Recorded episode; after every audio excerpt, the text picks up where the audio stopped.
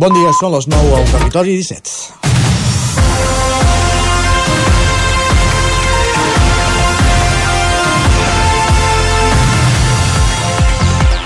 La imatge de prop de 200 tractors recorrent aquest dimecres als carrers principals de Barcelona és històrica.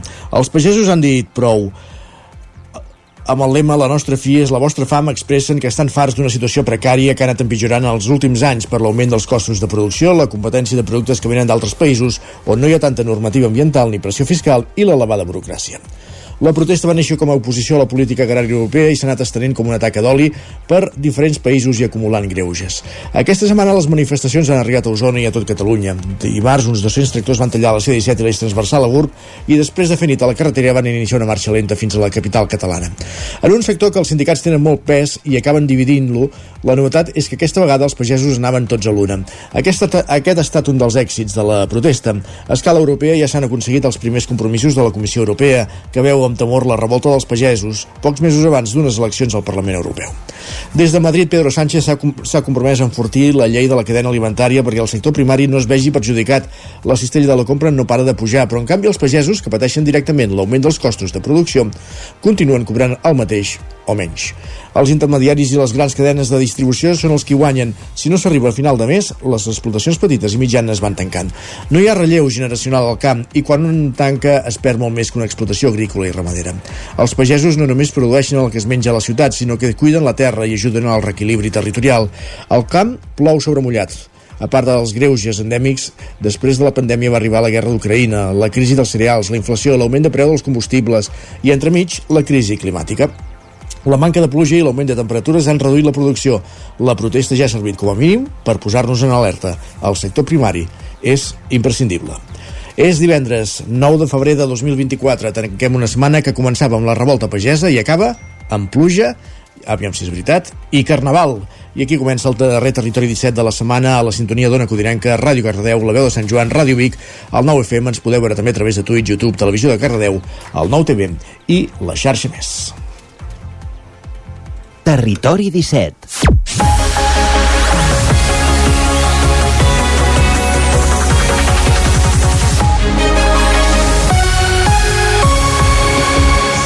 Dos minuts i mig que passen de les 9 del matí. En el moment de començar el Territori 17, el darrer Territori 17 de la setmana en aquest divendres 9 de febrer de 2024. És divendres, per tant, avui al Territori 17 variem mínimament l'escaleta respecte a la resta de dies de la setmana.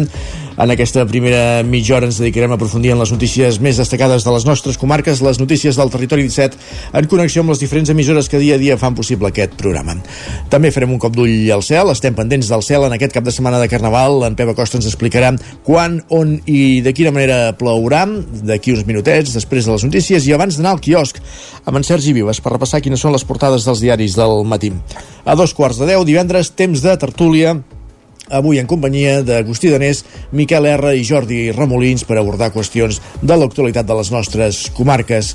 A partir de les 10, notícies, més la previsió del temps, i temps pels esports, la roda esportiva per les emissores del Territori 17 per repassar l'agenda esportiva del cap de setmana. Quins són els compromisos de clubs i esportistes de les nostres comarques aquest cap de setmana amb una reducció important de l'activitat tenint en compte que molta d'aquesta activitat s'atura per, per Carnaval.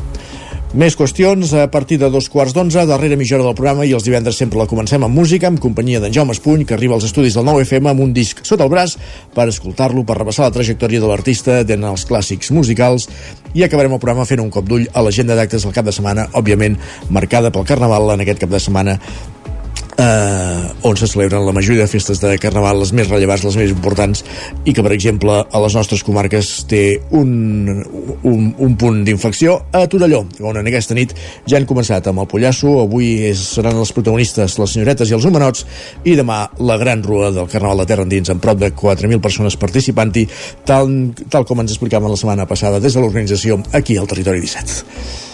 4 minuts i mig que passen de les 9 del matí i ens posem en dansa, com no pot ser d'altra manera, tot repassant les notícies més destacades de les nostres comarques, el Vallès Oriental, el Ripollès, Osona, el Moianès i el, Vallè, i el Lluçanès, i són aquestes les notícies del Territori 17. Territori 17.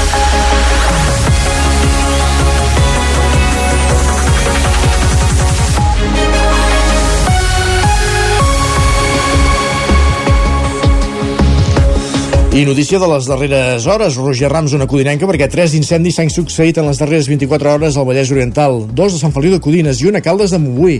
Roger Rams, una codinenca. Bon dia, exacte, Isaac. Aquesta passada nit els bombers de la Generalitat han hagut de treballar en dos focs de vegetació que s'han iniciat al voltant de dues carreteres diferents, tots dos al terme municipal de Sant Feliu de Codines. El primer ha estat un incendi al voral de la carretera C59 a l'alçada del cim de les Àligues, que s'ha declarat pocs minuts abans de dos quarts de dotze d'aquesta passada nit, i un segon ja de matinada, també avui poc abans de les 6, a la carretera C1413B, que connecta Sant Feliu amb Centelles. En els dos casos segons han informat els bombers a una codinenca, però no hi ha hagut ferits. A banda d'aquests dos incendis a les carreteres, en les darreres 24 hores n'hi ha hagut un tercer, ho dèiem al titular. Ahir al migdia es va declarar un altre incendi al polígon industrial La Borda de Caldes de Montbui que va afectar fins a tres naus industrials. El foc es va poder controlar en unes dues hores i es va acabar extingint ja de tarda. Cal destacar que tampoc hi va haver danys personals ni tampoc ferits, però sí que es va haver d'allotjar la, desallotjar les persones que es trobaven a les naus de la zona. L'origen sembla indicar que seria la mala combustió d'una xamaneia. Gràcies, Roger, no marxis gaire lluny, que tornem a codinenca en aquest bloc informatiu. Ara, però, anem cap a un altre punt del Vallès Oriental, cap a Ràdio Televisió Cardedeu, perquè el Tribunal Superior de Justícia de Catalunya ha declarat nul al ple de ple dret al POM de Vallgorguina, fet que pot acabar desembocant amb un, el pla urbanístic anterior. Enric Rubio, Ràdio Televisió Cardedeu. Així és, Isaac. Com bé dius, el Tribunal Superior de Justícia de Catalunya ha estat qui ha emès la sentència judicial, declarant així nul de ple dret al POM de Vallgorguina. No obstant, tant la Generalitat de Catalunya com l'Ajuntament de Vallgorguina han interposat de curs de cassació contra aquesta sentència tenen l'esperança de que això pugui revocar la sentència inicial, ja que, al seu parer, si es confirma, s'haurà de recórrer al pla urbanístic anterior, conegut com a normes subsidiàries per a regulació del territori de Vallgorguina. No obstant, recorden que la sentència no és ferma, però podria confirmar-se en els pròxims mesos. Des del consistori han deixat palès com és d'important seguir de prop el desenvolupament de curs de cassació i la seva resolució final, per a poder determinar com serà el futur de l'ordenació urbanística de la vila. I han assegurat que seran rigorosos a l'hora d'actualitzar la situació per poder informar la ciutadania de qualsevol canvi o notícia al respecte.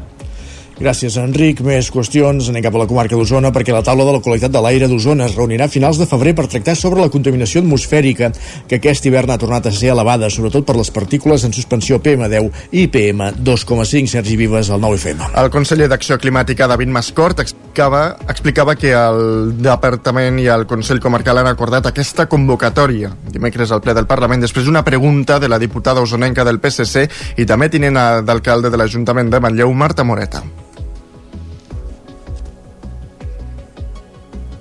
L'amoníac, l'òxid de nitrogen, el diòxid de sofre, juntament amb la boira, provoquen un còctel perillós per la salut humana, provocant malalties respiratòries i cardiovasculars.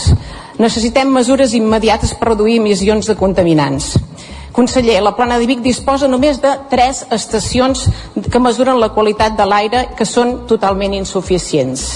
Tenen previst a curt termini millorar la xarxa de vigilància i prevenció de contaminació atmosfèrica?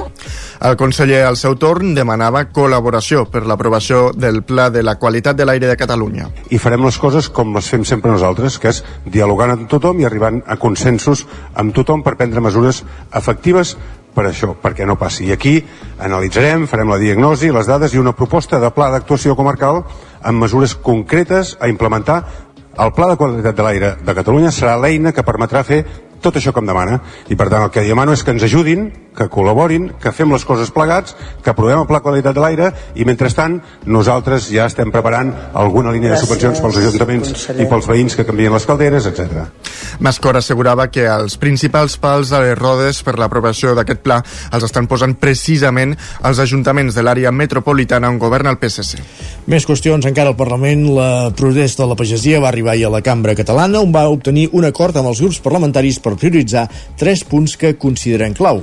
Exactament, el grup que es va reunir amb la presidenta del Parlament, Anna R, i que després va consensuar el document amb els grups parlamentaris era del Bages i el Berguedà, que havia mantingut la mobilització a la nit amb els tractors instal·lats a la Gran Via de Barcelona. Això després de la reunió de dimecres entre representants del sector i el president de la Generalitat i el conseller d'Acció Climàtica. Els pagesos van dir que es van sentir escoltats, però que van mantenir la protesta perquè volien més garanties que consideren que amb aquesta última trobada han obtingut. Joan Rius, representant dels ramaders, enumerava els tres punts acordats amb els grups parlamentaris. La revisió de les restriccions d'aigua, que s'aguditzi el pagament dels ajuts pendents i racionalitzar la burocràcia. No pot ser que ens tallin el 50% de l'aigua per la ramaderia. La ramaderia és, el, és on produïm el menjar, igual que l'agricultura, vull dir, som una peça fundamental de la societat. Sense nosaltres no, podem, no hi ha menjar. S'ha pagat a moltes altres comunitats autònomes d'aquí a Espanya ja s'han pagat tots i aquí a Catalunya no s'han pagat. Per tant, demanem l'agilització d'aquests pagaments, dels ajuts. Pensem que la burocràcia és important, però fins a un cert punt. Per tant, toca una racionalització de tots aquests papers que ens fan fer el dia a dia des del govern, el conseller David Mascor va dir ahir al ple del Parlament que l'executiu treballarà per atendre totes les demandes del sector primari. Crec que en els darrers anys hem demostrat que és amb ells que hem d'intentar solucionar aquests problemes. Eh, és veritat que la conjuntura europea, sobretot, eh, ens està demostrant que això està passant arreu i no és cap justificació, sinó que hem de ser capaços de fer-ho millor perquè com a mínim els d'aquí tinguin més oportunitats. El document l'han signat totes les formacions de la cambra, excepte PP i Vox. El sector té previst mantenir la mobilització de la manera que ho vagin decidint les diferents assemblees comarcals. Ho explicàvem a principis de setmana. Després de 8 anys, l'empresari mallauenc Josep Pujades torna a ser president de la Cambra d'Osona i ha pres el relleu l'anterior president Pere Ententes. Ha sigut l'escollit per ocupar el càrrec d'aquesta delegació de la Cambra de Comerç de Barcelona després que al passat mes de novembre la candidatura de l'actual president Josep Santa Creu s'imposés a la llista continuista de diners de país en les eleccions. L'empresari de Manlleu ja havia ostentat el càrrec entre el 2010 i el 2016 i ara espera repetir els èxits de la primera etapa. Hi ha una dita en castellà que tindrem que intentar doncs, trencar-la, que és allò de dir nunca segundes partes foren buenes, però dir, esperem que la segona part també sigui com la primera, que va estar bé, i seguir una mica la, l'empenta que va fer doncs, el Pere Endentes i el seu, la seva colla. El què farem? Doncs detectar tot el que no funcioni, potser no ho farem, no podrem fer-ho canviar, però com a mínim ho denunciarem i ho denunciarem enfàticament i ho denunciarem pregonament. És dir, si alguna cosa no funciona en l'àmbit econòmic, doncs la nostra obligació és dir, senyors, això no funciona. Així doncs, Pujades li agafa el relleu a Pere Antentes i el president sortint qualifica el seu mandat com a intens. Han set intensos perquè primer ens hem trobat en una situació al mig de Covid, per una situació especial d'un any i pico, per una situació que no sabíem com acabaria, eh? però que realment doncs, eh, es va poder solventar i bé i els, els nivells econòmics d'ocupació i d'empresa ja estan per sobre de l'època prepandèmica, de l'època del 2019. Pujades encara d'acabar de designar els noms que l'acompanyaran al Consell de la Cambra d'Osona, però ja ha assegurat que aposta per al balanç, és a dir, comptarà amb representants tant d'empreses grans com de petites. I aquesta setmana la Cambra de Comerç de Barcelona ha fet públic que tanca temporalment el Centre Blockchain de Catalunya, el CBCAT, que tenia un node, una delegació també aquí a Vic, a la Cambra d'Osona. Així és, de fet, fa gairebé un any i mig que el centre va obrir un node a Vic, una subseu especialitzada en alimentació i begudes. Concretament, des de la capital d'Osona s'ha desenvolupat el projecte Carboni Zero per mesurar la petjada de carboni en la indústria alimentària. Ara la nova direcció de la cambra està revisant les línies estratègiques de l'ENS per als pròxims anys. Entre aquestes, voler redefinir el projecte CBCAT i la seva estructura per ajustar-lo a les necessitats empresarials amb una visió a mitjà i llarg termini. És per aquest motiu que la seva activitat quedarà aturada temporalment. Tal com explicàvem a la connexió de dilluns des de Camprodon, el casal Camprodoní fa una campanya per captar nous socis per tal de tenir relleu generacional. Anem cap al Ripollès, Isaac Muntades, la veu de Sant Joan. El casal Camprodoní, l'entitat sense ànim de lucre que gestiona el cinema de Camprodon, fa unes setmanes va iniciar una campanya per captar nous socis. L'entitat té bona salut perquè ronda els 600 socis. El problema és que la majoria són gent gran que sobrepassa els 55 anys i temen que no es pugui fer un relleu generacional amb garanties. Tal com explicava la presidenta de l'entitat, Maria Claret, per fer-se soci del casal Camprodoní només cal omplir l'imprès per fer-se soci a la guixeta d'entrada i el primer any es paga una quota de 30 euros en efectiu que proporciona alguns avantatges, com un descompte a la meitat de l'entrada al cinema, que costa només 3 euros i 20 cèntims. El casal Camprodoní va néixer el 1883 i no només es decantava pel cinema, sinó que aglutinava totes les activitats culturals de la vila com els Jocs Florals, la coral, el grup de teatre, les activitats de Nadal i les escoles, i fins i tot és d'on va sorgir el club de futbol. Claret apuntava que també fan un tipus de cinema més enfocat a la gent gran, però que cada cop obre més el ventall de possibilitats.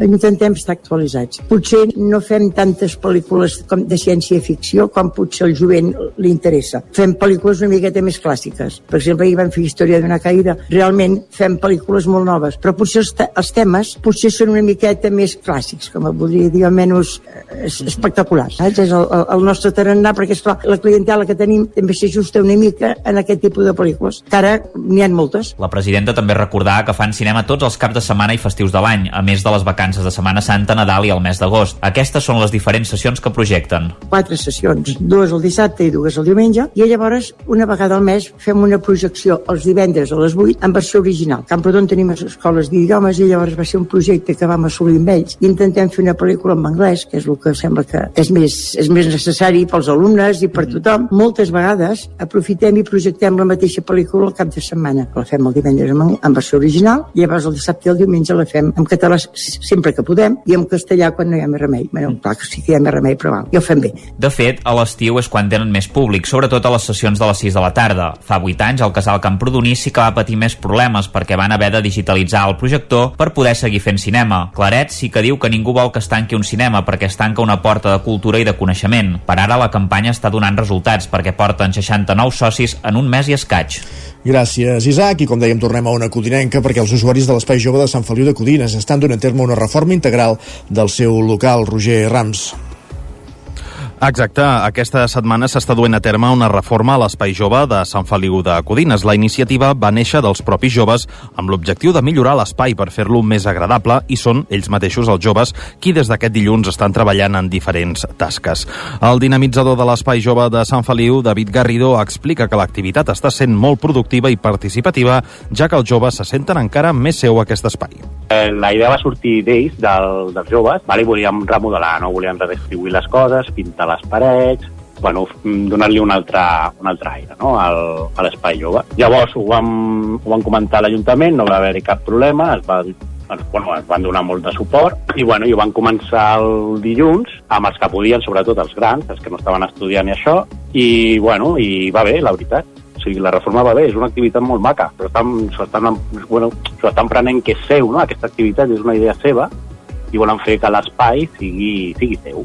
Les principals actuacions que s'estan duent a terme són sanejar les parets, pintar de nou l'espai i canviar el mobiliari. A més, també s'ha creat un nou espai enfocat a la lectura. Eh, estem arreglant una paret que té una mica d'humitat, llavors hem picat i hem posat guix i tot, vale, per sanellar-la. Ah, L'estem pintant i comprarem nou mobiliari per posar-ne dos sofàs, una estanteria per posar llibres, per fer un lloc de lectura, no? un espai de lectura, o perquè els joves puguin relaxar-se bé i bueno, redistribuir les coses, vale? volien un altre aire. Els treballs de reforma està previst que s'acabin o bé avui o bé a principis de la setmana vinent. En línies generals, com escoltàvem, l'activitat està tenint una bona acollida, ja que hi han participat bona part dels usuaris d'aquest espai. Gràcies, Roger. Acabem aquí aquest repàs informatiu que començàvem al punt de les 9 en companyia de Roger Rams, Enric Rubio, Sergi Vives i Isaac Muntades. Moment al territori 17 de saludar també l'home del temps, en Pep Acosta.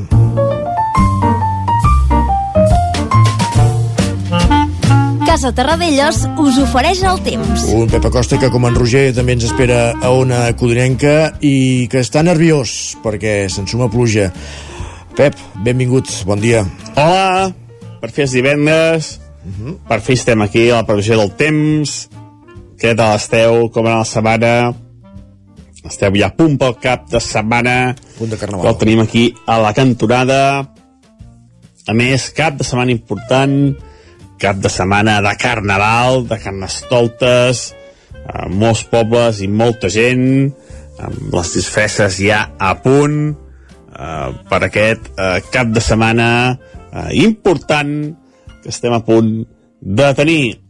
Eh, pel que fa al temps, eh, per fi, per fi, per fi, eh, l'anticicló s'ha debilitat, eh, ens ha abandonat, i això ha donat entrada a, a, a una pertorbació eh, d'origen atlàntic. L'han eh, batejada amb nom de Carlota perquè eh, pot produir efectes bastant importants, importants sobretot cap a l'oest de la península ibèrica. Eh? Recordem que les pertorbacions eh, se les anomena amb, amb algun nom eh, quan poden causar problemes eh, una mica seriosos en alguna zona i ho fan perquè la gent estigui eh, més preparada per possibles eh, això, per possibles eh, conseqüències que puguin derivar-se d'aquestes perturbacions actives que, que poden anar creuant eh, diferents eh, zones d'Europa. Per això es va decidir posar el nom a les perturbacions i aquesta, que la tenim gairebé a sobre, es diu Carlota però que a casa nostra ja et dic jo que de mm, conseqüències importants no en tindrà ni una. El que sí que està passant és que les temperatures mínimes encara són més altes. El cel està tapat, eh, vents de sud, i han fet pujar temperatura, mínimes de més de 10 graus cap al prelitoral, més de 5 graus, Moianès, Osona, Ripollès, eh, no glaça gairebé en lloc, eh, un hivern amb molt poques glaçades, de, eh, verdaderament ha estat un desastre, eh, i ara ja és tard, ara ja no, no eh, poc glaçarà, Déu-n'hi-do, déu nhi déu quin desastre aquest hivern perquè fa les temperatures. Uh, com deia, està més tapat ara i a les pròximes hores no es descarta alguna precipitació. A les dues comarques seran precipitacions molt febles, de 0 a 5 litres. La cota neu a uns 1.600-1.700 metres. Les precipitacions desapareixeran a primera hora de la tarda o, o, o cap al vespre, però ja dic, acumularan quantitats molt minces de precipitació. Tindrem una pausa durant aquesta nit i de cara a demà eh, pot tornar a ploure també seran quantitats molt minces de precipitació, una mica més demà cap a la zona del Pirineu, sí que poden ser les pluges una mica més fortes, eh, superar aquests 10 litres. A la resta, novament, entre 0 i 5 litres. I les precipitacions demà pararien també a primera hora de la tarda, és a dir, que tant avui com demà plourà durant el dia, però eh, a primera hora de la tarda, com a molt estirar cap al vespre, les precipitacions pararan, eh, tant avui com demà. Les temperatures baixaran les màximes, eh, màximes eh, que no superaran eh, 15-16 graus en cap dels casos, més fredes cap al Pirineu, òbviament, i és que s'acaba la inversió tèrmica, aquest front sí que fa que s'acabi la inversió tèrmica i ja farà molt més fred alta muntanya que no pas a les altres zones. Uh, la cota de neu, si avui he dit a 1.600, 1.700 metres, demà baixarà cap a 1.300, 1.400. Una nevada molt feble, però que pot afectar el Montseny també i els cims més alts de la serrada transversal. Uh, moltes gràcies, adeu. Gràcies a tu, Pep. Bon dia. Casa Tarradellas us ha ofert aquest espai. Tornarem a parlar amb en Pep Acosta d'aquí una estona a les notícies de les 10, ara però anem cap al quiosc. Perquè tenim 4 minuts, Sergi Vives, per repassar quines són les portades dels diaris del matí. Avui, que és divendres, comencem repassant les portades del 9-9. Així és, començarem per la d'Osona, Ripollès i Lluçanès, on uh, amb un gran titular ens diuen que els pagesos doncs, estan indignats. Es diuen que més de 200 tractors tallen l'eix i la C-17 a Gurb en una revolta insòlita que va durar 24 hores i es va traslladar a Barcelona. També destaquen que ahir, eh, amb la festa del, Pulla, del Pullasso, ja va donar el tret de sortida al Carnaval de Torelló i evidentment doncs, també destaquen de la jornada d'ahir doncs, l'èxit del dijous llarder d'aquesta 22a edició. Torelló ja trempa amb el Carnaval, és el titular exacte Així és. de, de, sí. de la portada del 9-9. Més qüestions, anem al Vallès Oriental. Doncs també ens diuen els, que els pagesos n'estan tips, eh, diuen que un centenar de tractors van tallar la C-17 entre Parets i Mollet en sentit Barcelona. Per altra banda, diuen que les restriccions d'aigua afecten unes 600 pimes del Vallès Oriental que ocupen uns 12.000 treballadors. Molt bé, anem a veure les portades dels diaris que s'editen a Barcelona. Doncs mira, el punt avui, sota el titular punt i seguit de, de la protesta pagesa, expliquen que el Parlament es compromet a revisar restriccions d'aigua i la burocràcia. El periòdico diu que, de que Europa demana investigar la ingerència Rússia, russa a Catalunya. Expliquen que l'Eurocambra reclama a Espanya indagar els llaços del Kremlin i Puigdemont.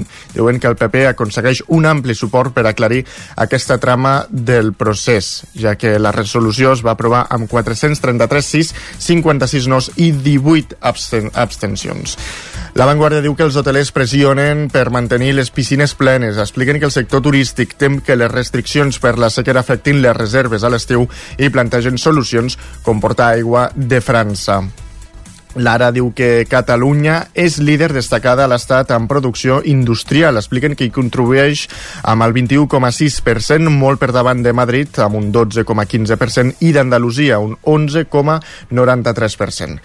I anem a repassar a portades espanyoles. El país destaca els 20 detinguts i gairebé 600 talls de carreteres que hi ha hagut en aquests tres dies de protestes dels agricultors. Expliquen que la mobilització per força, tot i sumar-se les associacions del sector, en espera de la marxa sobre Madrid de demà. L'ABC diu que el Parlament Europeu senyala Puigdemont i les seves relacions amb el Kremlin, insta Espanya a investigar les vinculacions del cessa, cessa, a veure si ho diré bé, eh? cessacionisme amb els serveis secrets russos. Diuen que el PSOE recolza la resolució, però no la menció al pròfug.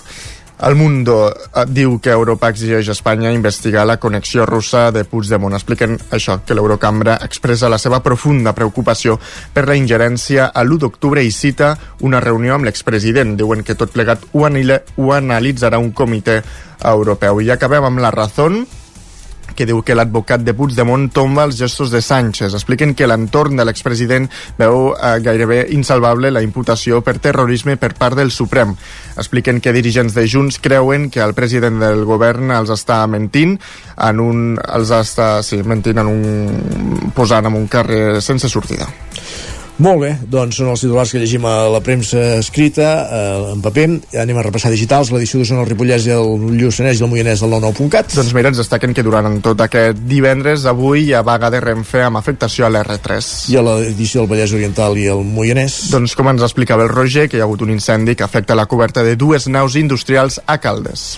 Doncs queda tot recollit, gràcies Sergi. A tu. Nosaltres fem una petita pausa, però tornem de seguida amb la tertúlia aquí al Territori 17. El nou FM, la ràdio de casa, al 92.8. Cobertes serveis funeraris. Els nostres tanatoris estan ubicats en els nuclis urbans més poblats de la comarca d'Osona per oferir un millor servei. Tanatori de Vic, Tanatori de Manlleu, Tanatori de Centelles i Tanatori de Roda de Ter. Sabem que són moments difícils i per això el nostre compromís és atendre-us en tot moment amb un tracte humà, sensible i respectuós. Cobertes serveis funeraris. Telèfon 24 hores 93 883 23 46. Menja ràpid, menja fàcil, el trinxat de les Cerdanyes diu Carlit. Mmm, boníssim! Trinxat Carlit, 100% natural, fet cada dia a Puigcerdà i a punt en un minut. Encara et preguntes què t'emportaràs a la feina o a la uni per dinar? El trinxat de les Cerdanyes diu Carlit. El nou FM, la ràdio de casa, al 92.8. S'anuncien pluges per avui i per dissabte. Això no treu, però, que Catalunya estigui en situació d'emergència per sequera.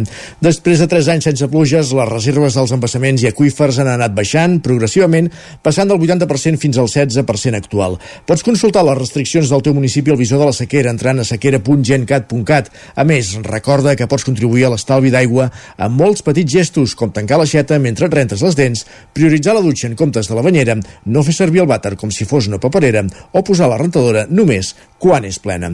Estalviar aigua és urgent, és un missatge de la Generalitat de Catalunya. El nou FM. El nou Cocodril Club. Si t'agrada la bona música dels anys 60, 70 i 80, escolta el 9 FM als matins de dissabtes i diumenges d'11 a 1. És el temps del Cocodril Club, tot un clàssic de la ràdio, amb les bases del pop-rock, les llegendes, les cançons que s'han convertit en autèntics himnes. Recorda, dissabtes i diumenges al matí, d'11 a 1, al 9 FM 92.8. Cocodril Club, el programa revival de l'Albert Malla. Hasta luego, cocodrilo. Territori 17. El nou FM. Som l'espai comunicatiu format per les comarques d'Osona, el Lluçanès, el Moianès, el Ripollès i el Vallès Oriental. Enric Rubio, Ràdio Televisió, Cardedeu. Bon dia al grup. Cada matí, de 9 a 11, al 9 Roger FM. Codinenca. Defensa de la sanitat pública. L'actualitat de les nostres comarques i tot el que has de saber abans de sortir de casa. Isaac Muntades, la veu de Sant Joan. de setmana, Sant Joan. Cada matí, Pep Acosta, el nostre home Territori del temps. 17. Avui contents. Anuncia't al 9 FM. La màquina de casa casa. 9 3 8 8 9 4 9 4 9 Publicitat arroba el 9FM.cat. Anuncia't al 9FM. La publicitat més eficaç. El 9FM. El 9FM. En punt, dos quarts de 10 aquí al territori 17, temps de tertúlia.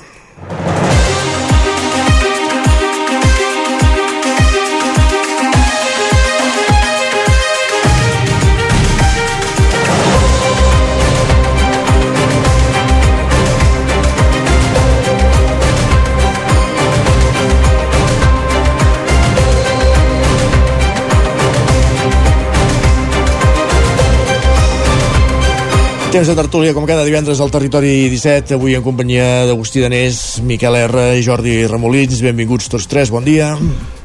Bon, bon dia. Bon dia. Tenim un de valent, no? En Remo, en Remo és un home valent, eh? Els divendres és un home valent. Remo.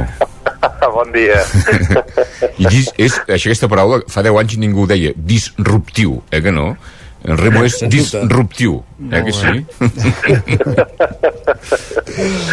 Amb homes valents, amb homes disruptius, comencem avui la tertúlia del territori 17. Uh, i eh, per, per abordar, per tractar, per aprofundir en qüestions de l'actualitat de les nostres comarques o de l'actualitat del nostre país, perquè sens dubte avui acabem unes setmanes, i més no pel que fa als dies laborables, que està marcada per aquesta revolta pagesa, la mobilització de la pagesia, una mobilització que començava dimarts al matí amb concentracions a diversos punts del Principat, continuava amb talls de carretera, aquí a la comarca d'Osona n'hi va haver un de gruixut, a l'Eix i la C-17, al punt de la seva confluència, amb pagesos d'Osona, del Ripollès, del Moianès de, i del Ripollès i del Lluçanès, volíem dir, i que continuar l'endemà amb aquesta marxa cap a Barcelona, bloquejant la ciutat, arribant al Palau de la Generalitat i encara l'endemà alguns d'aquests pagesos al Parlament de, de Catalunya. No sé si us ha sorprès tot plegat com ha evolucionat aquesta setmana, perquè tot començava amb una, divendres de la setmana passada fent córrer per whatsapps una convocatòria anònima i ha acabat sent la revolta pagesa, sens dubte, més grossa en molts anys. Eh, No sé si hem de mantenir els, els de molts anys, però sí que sens dubte ha estat molt, molt rellevant. Uh, sí, és curiós uh, això, no? Fa, pensar, segons com, fa pensar una mica amb el 15M també, no? Aquestes, aquestes revoltes que neixen una mica des de baix, no? I que, i que es nota que, que, que, que han anat covant des de fa temps, no? Aquest malestar, jo diria, endèmic que pateix el sector i com, uh, més enllà fins i tot perquè aquí a Catalunya sí que ha tingut eh, tenen pes específic els sindicats i això, però fins i tot diguéssim han passat per davant dels sindicats que llavors jo diria que s'hi han acabat apuntant també s'han acabat No apuntant tenia- no al cap tanto més opció, suposo, sense no? més opció i per tant han, hi han acabat, s'hi han acabat posant però el fet aquest de- d'empènyer des de sota i que hagi set la mateixa base la que hagi anat arrossegant penso que té un, té un mèrit afegit recordem que, que això eh, que també ja venim que, que l'atac s'està estenent per tota Europa i per tant ens arriba aquí eh, és una situació complexa eh? jo diria polièdrica perquè eh, sí que hi ha això eh? problemes endèmics que arrossega el sector però mm, aquí hi ha moltes administracions implicades eh, no serà fàcil moure peces perquè tot està molt entrelligat perquè aquí juga Europa i juga l'estat espanyol i juga eh, també la, cada, cada comunitat i és, és, veurem com, com posen fil a l'agulla perquè no acabi sent només hagi estat allò eh, una mena de, de rua aquests dies que tenim carnavals, eh, una rua de, de, de tractors per Barcelona. Veiem aquests dies era curiós veure gent de Barcelona com aplaudien els tractors eh, poder havíem vist ben pocs. I per tant que no, que no quedi com una cosa pràcticament simbòlica i, i, no és fàcil perquè hi, hi, això que dèiem hi ha molts factors. És evident que hi ha un excés de burocratització que, eh, que aquí s'hi juga en, en aquests moments un moment de sequera com, com eh, conjugarà el sector del camp amb, el- amb el sector de sequera perquè també hi ha altres sectors implicats també hi ha el sector del turisme, també hi ha el sector eh, el, el sector de la indústria eh, amb aquests efectes de la sequera. Hi ha, hi ha tota una, una sèrie de peces que colinden aquí i, i que ratllen no? si, si ens fiquem també a nivell més europeu, aquí s'hi juguen també moviments de populisme i per tant com conjugar tot aquest sector amb, amb moviments que ja diguin trincats entre ells o, o com això pot arribar a frenar l'agenda verda, per exemple, fins a quin punt no, eh, la, la, la incidència o la regulació que ha de patir el, el sector primari ha d'incidir en aquest factor. Per tant, això, un problema complex, bàsicament, sí, i veig. Molt, molt complex. Jo, jo crec que el que ha dit en Miquel eh, discrepo una cosa que ha dit, diu, no és fàcil, jo crec que, que, que, que no, que és difícil, que és diferent, o sigui, no és que sigui fàcil, que no sigui fàcil, és que és difícil, és com una ceba que té moltes capes, perquè ve, veient eh, que, es, que està bé que es visibilitzi, però hi ha dues o tres coses. Primer que, que, el, que el sector de pagès no és homogeni, és super heterogeni, perquè no té res a veure en Ramon de Cantoi de Sant Martí Sescors, que té truges i porcs, eh, quatre porcs, i, i ell és l'amo, que un ramader que, que, bueno, que al final no, no hi posa mai els peus a la granja, no? Perquè és un ramader que tenen... Per tant, aquí hi ha una, una, una diversitat de, de perfils eh, espectacular. Llavors de dir, bueno, el món de pagès, bueno, el món de pagès és, és, és molt, molt, molt divers. Per tant, les reivindicacions també segurament són molt diverses. Jo crec que, que, que d'aquest tema, al final, és una protesta que, que engloba moltes protestes, no? que hi ha aquest tema, quan, quan ho sents, no? el tema dels preus, lògicament, el tema col·lateral, però, però important, de, de la sequera, el tema de, doncs, del, del preu de les matèries primeres, el tema de la burocràcia, el tema d'Europa, i llavors això, efectivament, no és un tema global, en un món local, en un món global, això no és un tema local, sinó que tot està interconnectat i jo crec que el que sí es detecta és que hi ha un emprenyamenta, no? un emprenyamenta i que no és, un, no és només de, del, del sector pagès, el que passa que ara en aquest sector aquesta setmana s'ha visibilitzat d'una manera molt clara, perquè el fet que hagin sortit els tractors, doncs això jo crec que la, la imatge és molt potent, no?, els tractors allà a Barcelona, però que el que, que l'important jo diria que és el, el corrent de fons, que és una mena d'impugnació en el sistema, no? que hi ha, hi ha aquest emprenyamenta i que això, en un any com aquest, anirà tenint derivades, principalment amb, el, amb, el, amb les eleccions al Parlament Europeu. Això, això es veurà perquè al final l'emprenyament, o sigui, votar es pot fer de moltes maneres, però també es pot fer amb l'estómac. I quan, I quan hi ha aquesta emprenyamenta, doncs això sol tenir una traducció en el vot, i per tant aquí afavoreix això, normalment, eh?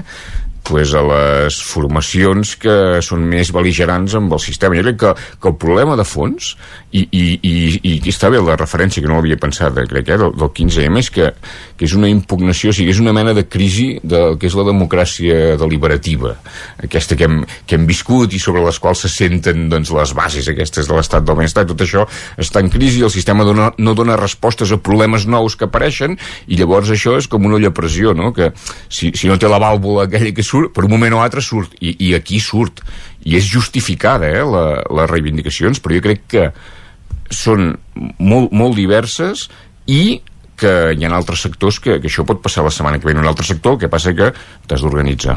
I, no, I poder no té aquesta visibilitat, eh? Jordi. Uh, bé, jo des de l'absoluta ignorància del sector pagès, perquè encara que a casa meu vinguin de, de pagès no, no tinc ni, ni remota idea de, de les problemàtiques que els afecten, puc, puc intuir-les, eh? però no, no, no, no n'he fet cap estudi, ni molt menys, però sí que volia dir tres o quatre punts. Primer, que a pagès, encara que, encara que no ho sap, eh, és, un, és un moviment molt més cohesionat de, del, del que pugui semblar, perquè ho, ho veig aquí a Ripoll, eh? segurament una casa de pagès de Ripoll, amb una explotació ben petita, eh, coneixen gent de Sant Hilari Sacalm, per exemple, que també viuen a pagès.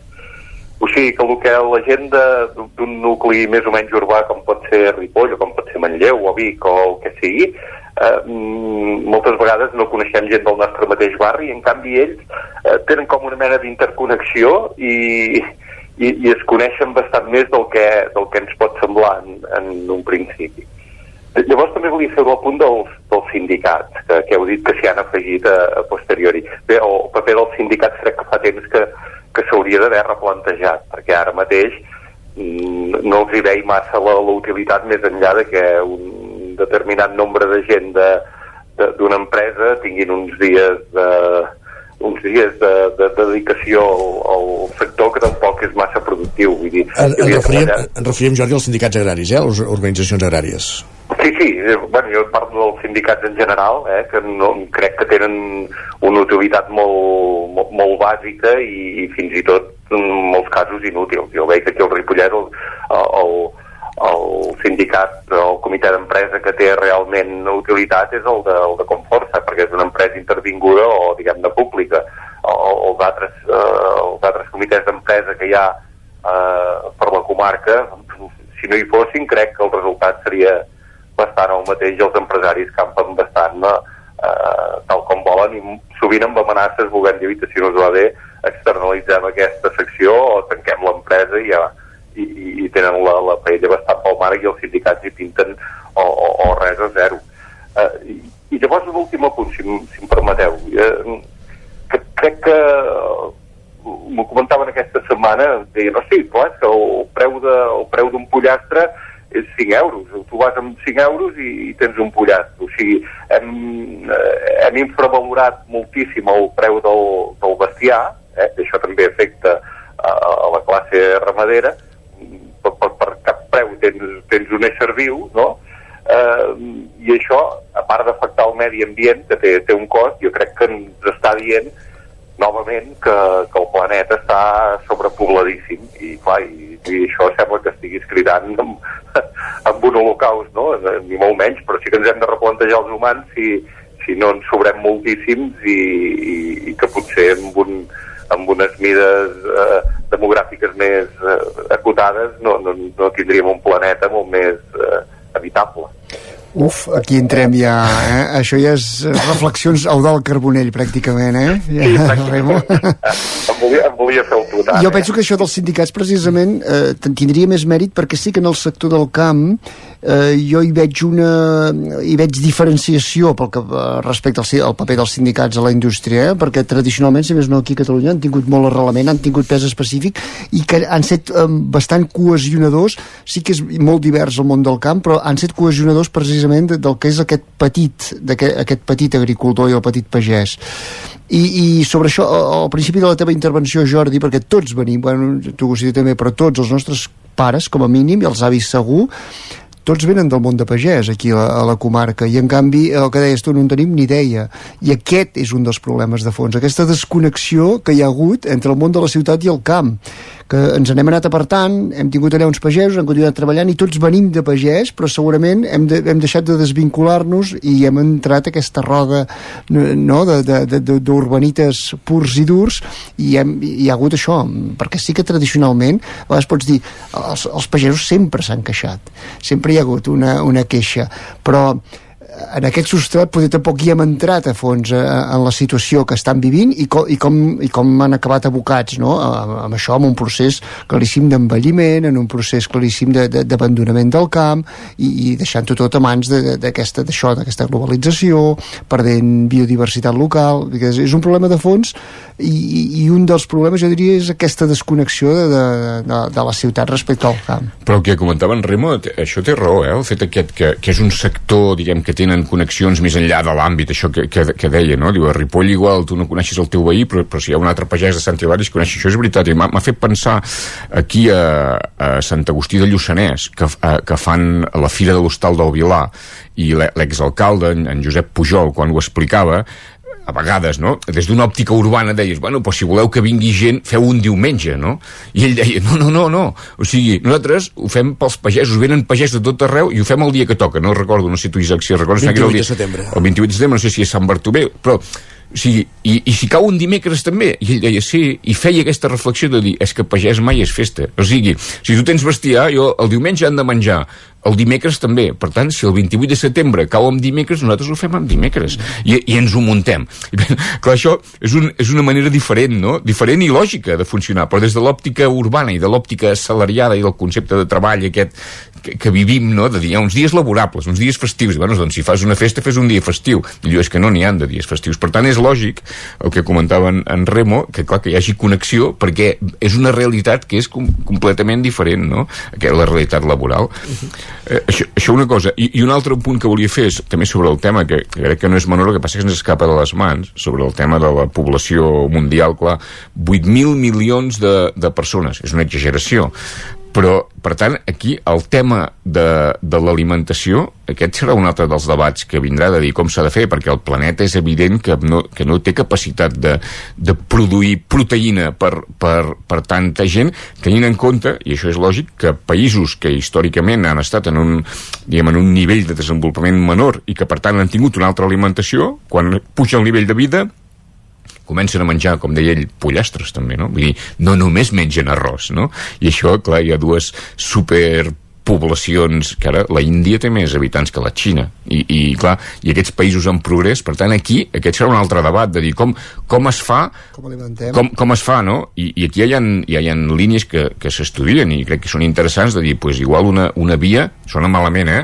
Des de, són els insectes, perquè els insectes són molt proteics i n'hi ha molts, però tot això s'ho ha d'anar estudiant, però vull dir que no, que no estem lluny a vegades d'aquests debats que semblen de ciència-ficció, eh, no, no estem lluny d'això, i aquest és un debat que vindrà també. Abans, en la primera intervenció, eh, Agustí, parlaves de la heterogeneïtat del sector primari.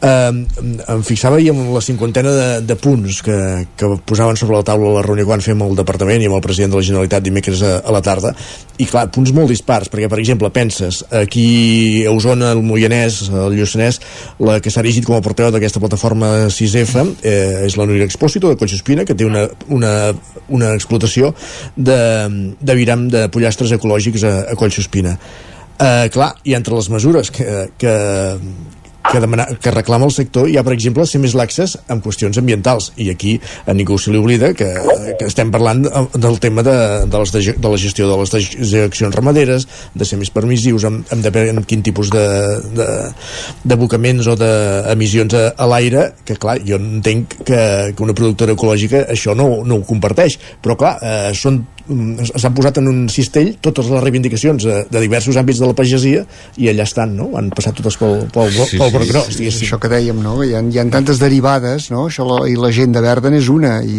i, però aquesta gent que aquí han de, de complir tot un seguit de, de restriccions i limitacions competeixen amb uns productes que venen de fora que no en tenen tant segurament Exacte, exacte. i per tant com, com, com equilibrar aquests, aquests dos punts diguéssim, aquests dos contraforts és molt complex i el tema de la burocràcia també això s'entén, eh? tot al final eh, tots ens emprenya la burocràcia no? I, en el, i en el sector de, en aquest sector de, de pagès n'hi ha, ha molt i, i a més a més hi ha, hi ha un tema afegit que això que és el, el tema en línia a vegades, no? Dir, tots els tràmits s'han de fer en línia bueno, eh, és, és, és complicat això però... Ahir parlàvem amb un pagès que deia això diu, clar, que al final s'han buidat de... no hem d'anar a fer res exact, eh, eh, pràcticament al, al departament tot ho hem de fer nosaltres, és tot l'autocontrol i és feina que hem anat assumint al llarg d'aquests anys, diguéssim. Mm -hmm. Aquí hi ha una...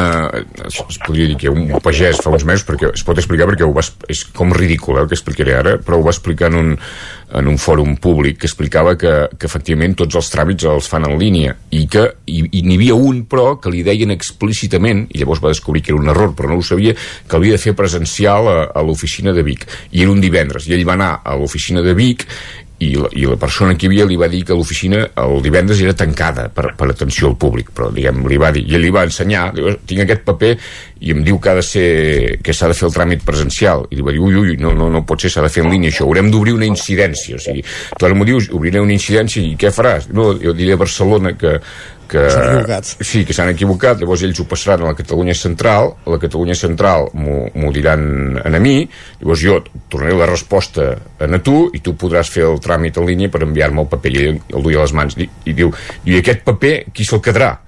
i va dir jo o sigui, és, és no? I, estava, i estaven cara a cara o sigui, ho deia com, com un exemple surrealista, eh? I, i, no, i a vegades aquests exemples és caricaturitzar-ho vull dir que no, no deu funcionar així les coses funcionen bé i ara jo ho ridiculitzo per, per explicar a vegades l'estupidesa de, de, de les coses però, però dit això, també és veritat que que en un moment en què l'administració hi ha tanta diversitat i s'ha de controlar, jo crec que la burocràcia també és necessària, perquè l'administració són papers i la burocràcia és seguretat.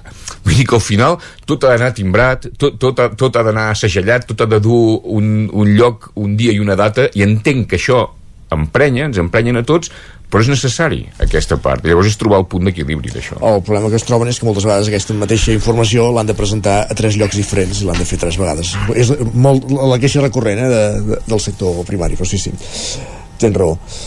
Bueno, eh, hi ha un tema també que ha aparegut aquests dies, que és això de, de, del tema burocràtic, que segons ells eh, és molt més estricte amb, el, amb la pagesia d'aquí al nostre país que amb alguns productes que venen d'altres països, no? I, I clar, i això acaba generant també aquella mena de... de no ho sé, jo, jo moltes vegades penso que el, que el caràcter que tenim al Ripollès té molt a veure amb, el, amb els nostres ancestres, no? Tenim un punt de desconfiança cap a, cap a la gent que ve de fora, no? que llavors també les urnes també també es eh, reflecteix això vull dir que també, no, també. No, no, no, és un no és un no és, no és un vot que, que, que, que sigui perquè sí, sinó que té una, té una raó de, té, té una raó que segurament el trobaríem en, en l'ADN no?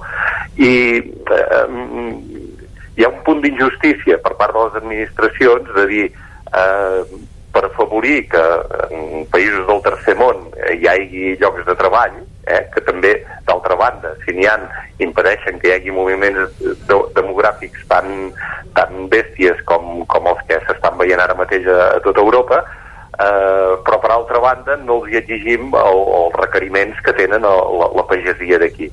I, I crec que això és com, com aquell, d'allò molt, aquell exemple molt visual de, del, de la manta que si ens volem tapar una mica el coll doncs destapem els peus no? i clar, són, són problemes que, que, que, que efectivament no, no tinc la solució ni molt menys, però, però que sí que ens han de fer pensar que, que, que segurament quan, quan pensem en problemàtiques locals hauríem d'eixamplar de, de, de, el, el, el diafragma no? i mirar-ho des d'un punt, de més, un punt de vista molt més global del, del que ho fem, eh? que moltes vegades volem arreglar el, el món a pessigades, el que hem de fer és una intervenció cor obert i val a dir que aquests productes que venen de, de fora de la Unió Europea són els que moltes vegades trobem als supermercats també, eh? Uh -huh. en la majoria dels casos, diguéssim fi, res de, més a afegir sobre el tema de la, protesta, de la revolta pagesa? Quedat, no, és un tot tema, ja ho hem dit, no? així com molt polièdric i, i està bé les, les reflexions aquestes i el que deia en Remo és, és, és veritat també, no? Uh -huh. d'aquest tema bueno, dels productes, que les exigències són diferents, però jo crec que això també també passa amb, amb, amb altres sectors, no? que aquí hi ha uns costos eh, de producció que, que són diferents dels que hi ha en altres llocs. I això explica que en el sector industrial que hi hagués un moment que, que, que hi havia empreses, doncs moltes empreses que, que anaven a produir a la Xina perquè hi havia uns altres i ara moltes estan tornant cap a l'Europa de l'Est, per exemple, i fins i tot hi haurà un procés de, re, de relocalització, no? Llavors, perquè a mesura que, que hi ha aquest progrés i que canvien les normatives i, i, i o es posen normatives no? de, de caràcter laboral, doncs els costos tam, també canvien. Però això és evident, el, el que diu segurament és un problema gruixut del sector que tenen unes exigències molt per sobre de les que tenen aquests mateixos productes en altres llocs i que, com dius tu, Isaac, són llavors els que trobem en el, en el linel del súper i, i que a més a més els comprem perquè més són més barats no? Està clar, sí, sí. vull dir que aquest, el tema del factor preu és una altra, una altra qüestió Així, sí, també és un tema aquest de, que ens ho hem de fer mirar no? com a consumidors, a veure per què apostem, per què no apostem, per què, de, per què estem decidits a per pagar i no pagar eh... És més, als súpers cada vegada hi ha més marques blanques també, que al final també és una manera de, de posar productes a preus més econòmics. El, el de les marques blanques, n'hi ha, ha moltíssimes ara de, de marques blanques, no? Vull dir que el tema dels preus, sí, sí, ens ho hem de fer mirar, però, però també, clar, els sous no han crescut en la mateixa proporció que ho han fet el, els aliments, no? Vull dir que hi ha hagut un encariment, això és claríssim. Vull dir que a vegades el factor preu, segons com ho diguis, sembla de dir, home, i, i per què com, has de fer una compra conscient? Bueno, sí, però si has de tipar tota la canalla has de fer una compra econòmica també vull dir que a vegades la compra conscient és més cara, a vegades dic, eh? Sí, però tam, si, si fem el mateix pensament a l'hora de, de comprar l'últim model de, de mòbil o l'últim model de cotxe o el viatge més lluny que ens podem permetre però en canvi eh, uns cèntims més Ja, per sí, sí. comprar uns cigrons ecològics no ens els gastem és, és una qüestió de prioritats i d'educació és de dir com, com volem estar alimentats i és, eh, aquests dies estava molt bé això que dèiem, aplaudir els tractors mentre passaven per davant i creure'ns aquest petit pagès i l'altre és eh, si som capaços de, de variar els nostres hàbits i anar-nos a comprar la dotzena d'ous amb el pagès directament Tens raó, tens raó, i amb el que dius, perquè a més ens posa davant del mirall això, i l'exemple que poses és, és molt pertinent el tema aquest, no? De vegades és això, sembla, uns cèntims et poden recar i et gastes, o hi ha gent que es gasta 1.000 euros ja per un mòbil, no? Tens, tens raó en aquest cas. Hi ha altres qüestions que m'agradaria tractar avui la, també a la tertúlia. Eh, ara parlàvem de pagesia, però no, no marxem gaire del que considerem l'àmbit rural. Avui el 9-9 publica també aquest titular a la pàgina 4. Salut qualifica de difícils de cobrir la meitat dels equips d'atenció primària a Osona i el Ripollès. La setmana passada veiem les queixes a Torelló per la falta de pediatres. Uh, però la falta de, de professionals cada cop uh, uh, als pobles uh, de, de les comarques més allunyades de, de Barcelona doncs cada cop és més latent. Uh, i de fet no gaire allunyades de Barcelona. Sovint a les notícies parlem de la situació també del cap de Cardedeu. Uh, per tant és una evidència la falta de, de metges i els que hi ha eh, moltes vegades aposten per altres llocs de treball eh, que no són o més propers a, a Barcelona o als grans hospitals, etc etc etc.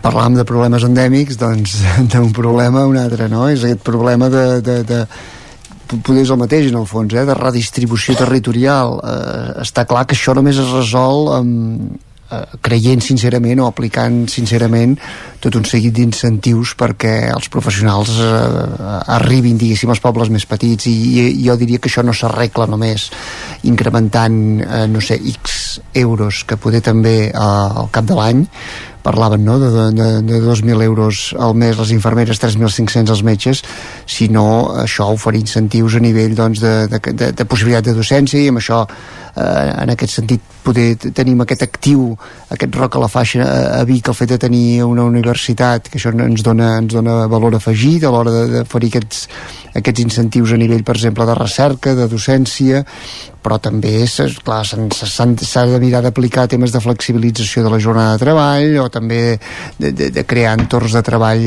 això més atractius perquè els metges vinguin aquí perquè si no la gent vol estar doncs, als grans hospitals, als grans centres ben connectat, és, és un problema de, de territori, no? de si ens creiem al territori jo abans de la pandèmia, abans que hi hagués la pandèmia, eh, havia pensat que era un bon moment perquè Ripoll eh, aprofités, ja que té molts habitatges eh, que s'haurien de, de rehabilitar i de, i de, i de, de, de, de donar-los un, una mà de, de, de, cap, de xap i pintura que diem, doncs de, de promocionar que la gent vingués a, a viure a, a Ripoll, no?, a la comarca.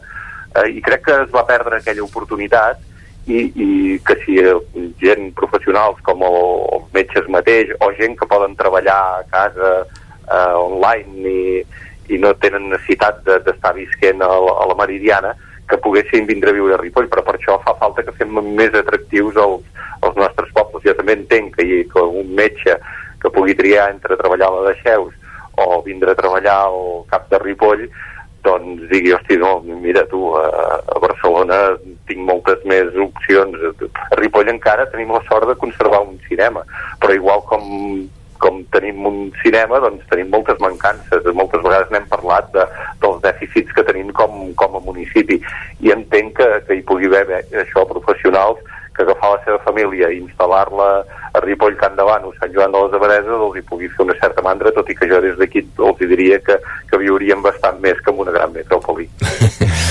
jo, amb el tema del, dels metges, hi ha un, un altre problema, no només que no hi hagi metges pels pobles, que no, és que hi ha falta de metges, o sigui que és un sistema també que la formació dels metges ha estat molt regulada amb uns números clausos i ara fa que hi és un moment que això ho expliquen els que en saben, eh, que hi ha, que hi ha un relleu generacional i que eh, hi ha hagut paral·lelament un increment gran de la, de la població en, en aquests últims anys, per tant, de la població potencial per ser atesa i que no hi ha metges. Llavors, si ja no hi ha metges, encara és més difícil que aquesta capilaritat que arribi, als, que arribi a tot arreu per dos motius. Un, jo crec que és econòmic, una part és econòmica, però l'altra és de prestigi, també. Vull dir que al, al final els metges de poble, els metges de primària, els metges de capçalera, que són superimportants, doncs una especialitat que potser socialment no està tan prestigiada com, com, com la traumatologia o com el, el cardiologia, etc. no?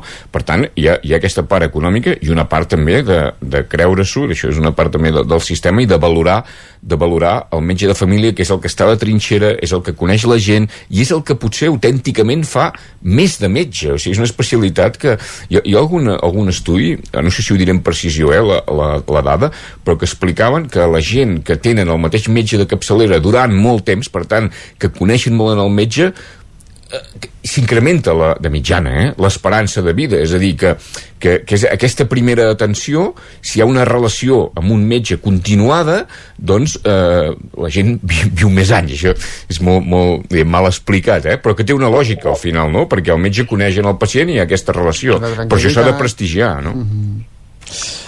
Miquel R, Agustí Ané, Jordi Ramolins, eh, hem esgotat el temps de tertúlia un divendres més. Gràcies una setmana més per acompanyar-nos i ens retrobem a la propera. Molt bé. Bon dia. Bon dia. I bon cap de setmana a tots tres.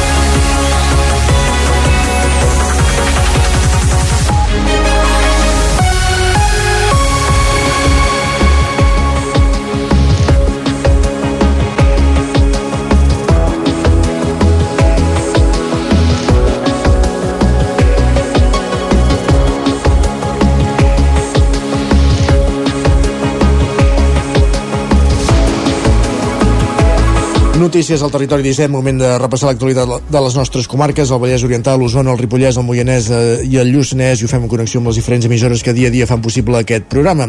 Ona Codinenca, Ràdio Cardedeu, la veu de Sant Joan, Ràdio Vic, el 9 FM, ens podeu veure també a través de Twitch, YouTube, Televisió de Cardedeu, el 9 TV i la xarxa a més.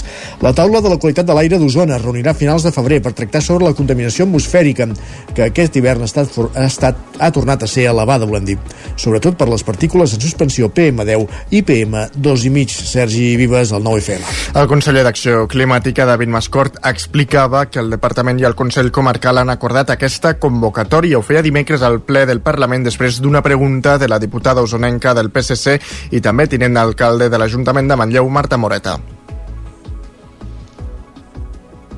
L'amoníac, l'òxid de nitrogen, el diòxid de sofre, juntament amb la boira, provoquen un còctel perillós per la salut humana, provocant malalties respiratòries i cardiovasculars. Necessitem mesures immediates per reduir emissions de contaminants. Conseller, la plana de Vic disposa només de tres estacions que mesuren la qualitat de l'aire que són totalment insuficients. Tenen previst a curt termini millorar la xarxa de vigilància i prevenció de contaminació atmosfèrica? El conseller al seu torn demanava col·laboració per l'aprovació del Pla de la Qualitat de l'Aire de Catalunya. I farem les coses com les fem sempre nosaltres, que és dialogant amb tothom i arribant a consensos amb tothom per prendre mesures efectives per això, perquè no passi. I aquí analitzarem, farem la diagnosi, les dades i una proposta de pla d'actuació comarcal amb mesures concretes a implementar el Pla de Qualitat de l'Aire de Catalunya serà l'eina que permetrà fer tot això que em demana. I per tant el que demano és que ens ajudin, que col·laborin, que fem les coses plegats, que aprovem el Pla Qualitat de l'Aire i mentrestant nosaltres ja estem preparant alguna línia Gràcies, de subvencions pels ajuntaments conseller. i pels veïns que canvien les calderes, etc. Mascort assegurava que els principals pals a les rodes per l'aprovació d'aquest pla els estan posant precisament els ajuntaments de l'àrea metropolitana on governa el PSC. Més qüestions després de 8 anys, l'empresari manlleuenc Josep Pujades perdó, torna a ser el president de la Cambra d'Osona ha sigut l'escollit per ocupar el càrrec d'aquesta delegació de la Cambra de Comerç de Barcelona després que el passat mes de novembre la candidatura de l'actual president Josep Santacreu s'imposés a la llista continuista d'eines de país en les eleccions. L'empresari de Manlleu ja havia ostentat el càrrec entre el 2010 i el 2016 i ara espera repetir els èxits de la primera etapa hi ha una dita en castellà que tindrem que intentar doncs, trencar-la, que és allò de dir nunca segundes partes foren buenas, però dir, esperem que la segona part també sigui com la primera, que va estar bé, i seguir una mica l'empenta que va fer doncs, el Pere Endentes i la seva, la seva colla. El què farem? Doncs detectar tot el que no funcioni, potser no ho, farem, no podem fer-ho canviar, però com a mínim ho denunciarem i ho denunciarem enfàticament i ho denunciarem pregonament. És dir, si alguna cosa no funciona en l'àmbit econòmic, doncs la nostra obligació és dir, senyors, això no funciona. Així doncs, Pujades li agafa el relleu a Pere Antentes. El president sortint qualifica el seu mandat com a intens. Han set intensos perquè primer ens hem trobat en una situació al mig de Covid, per una situació especial d'un any i pico, per una situació que no sabíem com acabaria, eh? però que realment doncs, eh, es va poder solventar i bé i els, els nivells econòmics d'ocupació i d'empresa ja estan per sobre de l'època prepandèmica, de l'època del 2019. Pujades encara ha d'acabar de designar els noms que l'acompanyaran al Consell de la Cambra d'Osona, però ja ha assegurat que aposta per al balanç, és a dir, comptarà amb representants tant d'empreses grans com de petites. I aquesta setmana, precisament, la Cambra de Comerç de Barcelona ha fet públic que tanca temporalment el Centre Blockchain Catalunya, el CBCAT. De fet, fa gairebé un any i mig que el centre va obrir un node a Vic, una subseu especialitzada en alimentació i begudes. Concretament, des de la capital d'Osona s'ha desenvolupat el projecte Carboni Zero per mesurar la petjada de carboni de la indústria alimentària. Ara la nova direcció de la cambra està revisant les línies estratègiques de l'ENS per als pròxims anys. Entre aquestes volen redefinir el projecte CBCAT i la seva estructura per ajustar-lo a les necessitats empresarials amb una visió a mitjà i llarg termini. És per aquest motiu que la seva activitat quedarà atuda, aturada temporalment. Gràcies, Sergi. Més qüestions anem cap al Vallès Oriental perquè a Sant Celoni s'han dut a terme formacions sobre la diversitat lingüística i l'ús social de la llengua catalana als alumnes de secundària. Enric Rubio, Ràdio Televisió Cardedeu. Així és, Isaac, des del servei comunitari, 18 alumnes del segon cicle de secundària de l'Institut Escola de Tordera, de l'IES Baix Montseny i del grup del camp de l'Escola d'Adults del Sacs Sala van rebre una formació sobre diversitat lingüística i el seu futur. Les formacions les han dut a terme des de l'associació GLIDI, és a dir, el grup de lingüistes per la diversitat, amb l'objectiu que eren rebre eines per elaborar un podcast a la ràdio sobre llengua catalana va durar dues hores i va ser conduïda pel lingüista Alejandro García, el qual en aquesta ocasió va tractar la diversitat lingüística del món i els processos de substitució lingüística, així com la igualtat de totes les llengües i la mort d'aquestes en el context actual. Tot això, com dèiem, va significar el primer pas per dur a terme el servei comunitari a la ràdio i una assignatura obligatòria per als alumnes de secundària, que consisteix en assolir un aprenentatge i executar servei a la comunitat sobre el tema que més els interessi. Aquest pretén posar en valor la diversitat lingüística a Sant Celoni, la Vallòria i Rodalies i promoure la llengua catalana com a llengua vehicular i d'ús social. Per tant, l'alumnat crearà i gravarà podcasts que s'emetran al punt 7 ràdio de Sant Celoni. S'espera que una iniciativa com aquesta i el fet de que els podcasts siguin quelcom en un augment sense precedents, avui en dia dins del sector puguin contribuir tant a la utilització del català i el seu bon ús a promptes edats com a l'aproximació de la ràdio d'aquest col·lectiu, que sovint la veu a anys llum, inclús en ocasions no ha arribat ni a escoltar. Gràcies, Enric. Més qüestions anem cap al Ripollès perquè Ripoll es compromet a recuperar Sant Miquel de la Roqueta perquè no es deteriori més.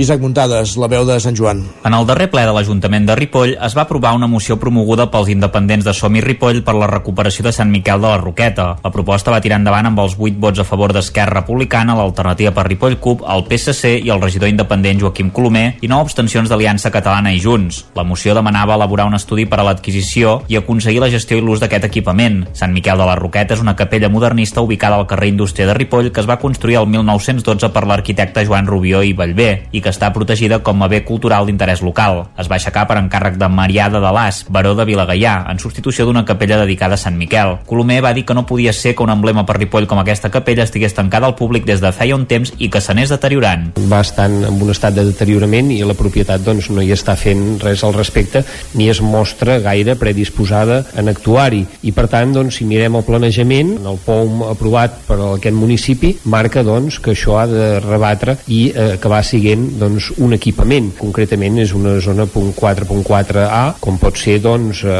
l'arxiu, com pot ser la sala d'Algraells, com pot ser la biblioteca. Nosaltres diem és que el Ripoll faci ús d'aquest espai, Ripoll el pugui dignificar. L'alcaldessa Sílvia Oriols va explicar que fa uns mesos uns veïns de la zona van alertar-los que la pedra s'anava desgastant perquè fa forma de llesques i com que allà hi anaven grups de joves, els feia por que caigués alguna pedra i van optar per precintar-ho per seguretat. Per ara no saben com solucionar-ho, ja que no tenen el contacte de la propietat. I els veïns del barri ens van facilitar la targeta amb el telèfon de, del propietari. Des de llavors que hem intentat eh, reiterades vegades de posar-nos en contacte amb ell a través d'aquest contacte telefònic, sense de moment haver tingut èxit, s'han comentat, perquè tampoc sabem massa que potser és mort i que per tant hauríem de contactar amb els hereus, no tenim tampoc manera de contactar amb els hereus, ho estem mirant de gestionar per aconseguir parlar amb l'actual propietari o propietaris. En tot cas, al tractar-se d'una propietat privada, Oriols va dir que s'abstindrien si no es modificava el punt que demanava el compromís en ferm d'aconseguir l'ús i la gestió de l'equipament, ja que primer s'havia de negociar. Colomer va insistir en que el POM determina que allò ha de ser un espai d'utilitat pública i que calia explorar solucions. Gràcies, Isaac. La formació musical calderina, obrim plana cultural, Flaustaff, un grup de flautes travesseres, viatja aquest cap de setmana a Croàcia per fer una mini gira de dos concerts. Roger Rams, zona codinenca. Exacte, no és el primer cop que els Flaustaff surten, però de Catalunya per fer concerts. De fet, des de fa 4 anys surten almenys un cop l'any per participar en concursos internacionals i fins ara ja han actuat a Nissa, a França, a Poznan, a Polònia i també a Porto, a Portugal, i ho faran ara, com dèiem, a Croàcia i per partida doble. Joan Bosch és el director musical de Flaustaff. Amb els Flaustaff fa ja uns 4 anys. Ens van presentar un concurs a Nissa, un concurs eh, d'àmbit europeu d'orquestes de flautes i vàrem guanyar el segon premi d'orquestes de flautes de menys de 15 persones. I arrel de guanyar aquell concurs, d'aquí cap allà, d'allà cap aquí, i hem anat a petar l'Associació de Flauta de Croàcia, que ens ha convidat a actuar a Zagreb i a un altre poble al costat. Els Flaustaff estrenaran, doncs, a Zagreb, la capital croata, el seu nou espectacle, una adaptació de la flauta màgica de Mozart, en la que els músics estaran en moviment a l'escenari i, a més, també hi participarà un actor. Per presentar un nou espectacle, que el nou espectacle que presentem és una revisió de la flauta màgica, on hem hagut de, de refer tota la partitura de Mozart, perquè, clar, la partitura és per una òpera i nosaltres som cinc veus de flauta, de flauta travessera amb do. I aquest espectacle a més a més doncs va també com he dit abans amb un actor que assumeix tots els rols de l'òpera i que a la vegada com també he dit abans fa interactuar les flautes amb ell la formació calderina, més enllà d'integrar membres del propi Caldes, és tota una referència i també n'inclou d'altres punts, des de pobles veïns, com Sant Feliu, i fins i tot d'altres punts, com són Granollers o Mataró. Aquesta expedició que aquest divendres avui marxa cap a Croàcia la integraran una quinzena de músics i també una delegació de l'Ajuntament formada pel regidor d'Ensenyament, Jaume Balart, i la directora de l'Escola de Música Joan Valls, Montserrat Pires. Gràcies, Roger. Tornem a la comarca d'Osona perquè l'Ajuntament de Manlleu, Sergi, espera poder tenir operatius els nous vestidors del camp de futbol de cara al mes de maig. Així és, posar les instal·lacions al dia era un compromís que el govern Arnau Rovira ha heredat del mandat passat i que ha hagut de fer front a diversos contratemps. Un d'ells, la manca de matèries primeres. En els propers mesos es renovarà la instal·lació elèctrica per millorar la llum dels vestidors i la dels dos camps, el principal i el d'entrenament. També s'intervendrà d'urgència els actuals vestidors de sota les grades per revertir el brot de legionel·losi. Un escenari que permetrà als jugadors tornar-se a dutxar al camp. Josep Madrid és el regidor de serveis de l'Ajuntament l'Ajuntament de Manlleu. Hi ha un brot de legionela, eh, és una qüestió afegida, Aquí el que es va fer és aïllar fins on hem pogut eh, la part d'instal·lació de, de tuberies que no és de ferro i per donar servei, eh, que és el que ha estat funcionant fins ara, eh, que són els lavabos, eh, el vestuari de l'àrbitre i el bar. Ara el que es farà és eh, una actuació, diguéssim, de forma imminent, eh, aproximadament en un mes. Els vestuaris eh, antics quedaran ja pel seu ús. Es penses del que ens pugui portar la, el pla el, o el canvi d'estat dins la sequera Segons Madrid, sumant totes les fases del govern municipal, preveu invertir 1,7 milions d'euros. Des de l'agrupació esportiva i cultural Manlleu asseguren que les obres estan sent un inconvenient important, un malestar que recull la regidora d'Esports, Montse Costa, que assegura que les obres del camp són una prioritat per l'equip de govern. Entenem que aquest club té molts anys d'antiguitat i bueno, això és casa seva, nosaltres ho entenem traslladar-los que, que aquest equip doncs, treballa per finalitzar-los quan abans millor i de la millor manera possible i que quedin unes instal·lacions com es mereixen. Es deixa per més endavant, pel segon semestre del 2024, la instal·lació fotovoltaica que produirà electricitat pel complex esportiu. Gràcies, Sergi. Acabem aquí aquest repàs informatiu que començàvem al punt de les 10 en companyia de Sergi Vives, Isaac Muntades, Roger Rams i Enric Rubio. És moment al territori 17 de saludar de nou l'home del temps, en Pep Acosta.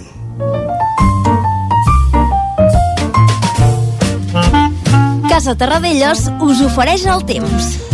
Pep Acosta, quin temps farà avui i al cap de setmana, sobretot en especial atenció als dissabte, que és quan es fan les rues de Carnaval. Hola, per fer divendres. Com deia, està més tapat ara i a les pròximes hores no es descarta alguna precipitació.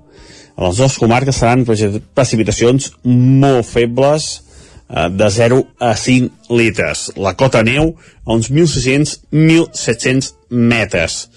Les precipitacions desapareixeran a primera hora de la tarda o, o, o cap al vespre, però ja dic, acumularan quantitats molt minces de precipitació. Tindrem una pausa durant aquesta nit i de cara a demà eh, pot tornar a ploure. També s'han quantitats molt minces de precipitació, una mica més demà cap a la zona del Pirineu, sí que poden ser les pluges una mica més fortes, eh, superar aquests 10 litres. A la resta, novament, entre 0 i 5 litres. I les precipitacions demà pararien també a primera hora de la tarda, és a dir, que tant avui com demà plourà durant el dia, però eh, a primera de la tarda, com a molt estirar cap al vespre, les precipitacions pararan, eh, tant avui com demà.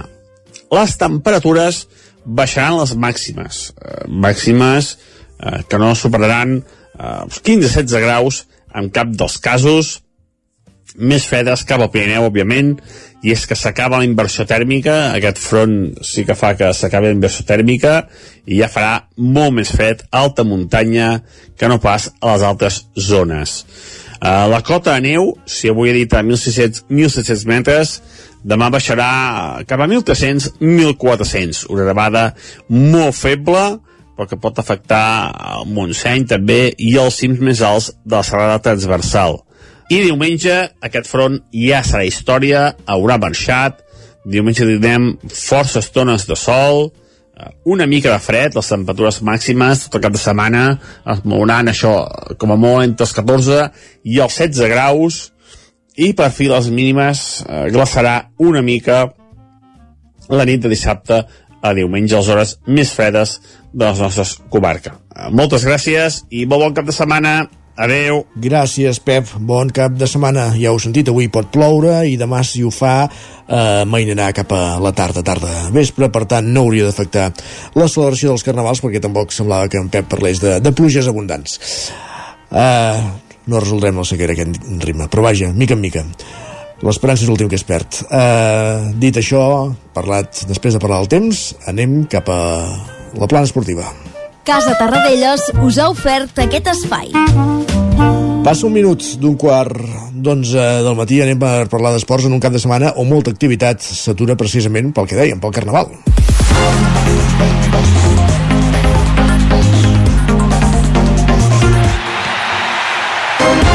Però segur, segur, segur que l'Enric Rubio té algunes coses per explicar-nos d'alguns compromisos que tenen els equips de l'entorn de Ràdio Cardedeu. Enric, Ràdio Televisió Cardedeu, benvingut de nou, bon dia. Què tal? Bon dia de nou. Segueixo pensant que la teva última frase sempre enganxa bé amb la, el meu inici de secció, que l'esperança és l'últim que es perd. Això és cert. No estem al resum, però estem a l'agenda. Així que, vinga, va, comencem. Avui tindrem canvis, i és que per Carnestoltes no tothom juga. No, i així tampoc perdran. Comencem per la, per la Lliga Plenitud de Sobal, on el Freaking BM Granollers rep a l'Helvetia a Naitasuna aquest diumenge. El partit serà, com sempre, al Palau d'Esports i es jugarà a les 8 del vespre.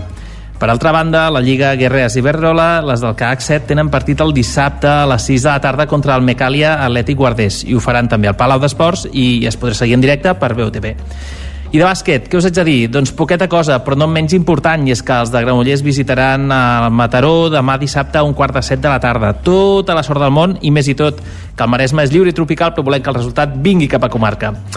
I com no, sabeu que no em puc oblidar de les meves preferides i és que les de l'handbol Cardedeu, aquesta jornada de la Lliga Catalana Sènior Femenina, jugaran diumenge a casa contra el Barcelona Sants. Les cardedeuenques van quartes amb 26 punts, a 5 de les primeres, i les dels Sants van tretzenes a 13 punts d'elles i amb 13 punts. Esperem que no siguin supersticioses, perquè si no, més d'una ho estarà passant malament. I avui per acabar us porto un apunt de muntanya i és que des del CESC, el Club Excursionista de Sant Celoni, aquest cap de setmana organitzen una sortida per fer barrancs, concretament els del Pou de la Portella i el del Clot del Tragó, a Montserrat, amb un recorregut de 8 quilòmetres i 600 metres de desnivell acumulat, el qual s'espera fer amb 8 horetes, vaja, que faran gana per sopar. Això està. I amb això acabem. Sí, sí, uh, ja veus que... Ara torno al bàsquet, això d'un Granollers Mataró gairebé, gairebé aquí deu ser com un derbi, no? Gai, sí, i sobretot entre comarques hi ha més que poblacions, eh? perquè aquí hi ha aquesta rivalitat que ens separa la serralada creuada pel túnel, però, però sí, sí, serà dur, serà dur. I res, com dèiem Isaac, eh, amb això acabem, o millor dit acabo, així que sort a dojo per tothom. Parlem ara amb una estoneta a la gent de sort. Ara. Roger també. Roger Rams, zona codinenca, benvingut. Eh, Hola, bon dia. El, quina activitat queda a l'entorn d'Ona Codinenca aquest cap de setmana esportivament parlant? Va, doncs eh, fem un repàs perquè com eh, dèieu eh, Carnaval pel mig, doncs aquest repàs avui serà ràpid, bàsicament perquè les competicions futbolístiques fan aturada aquest cap de setmana i per tant no tenim partits ni a primera ni segona ni tampoc a tercera divisió catalana, per tant parlem d'hoquei patins, aquí sí que hi tenim activitat, comencem a l'hoquei Lliga masculina, el Caldes visitarà demà dissabte a les 8 del vespre la pista del Sant Just, ho faran la 18a jornada de Lliga. Els calderins arriben al partit amb molt bona forma ja que venen de guanyar per 4 a 2 al Ribes de Madrid. Els del Baix Llobregat, en canvi, van començar la Lliga com un dels equips en revelació, però han anat perdent posicions amb el pas de les jornades i ara es troba a només dos punts d'alcaldes. Per tant, serà un duel igualat. El Sant Just és vuitè amb 23 punts i Alcaldes és desè amb 21.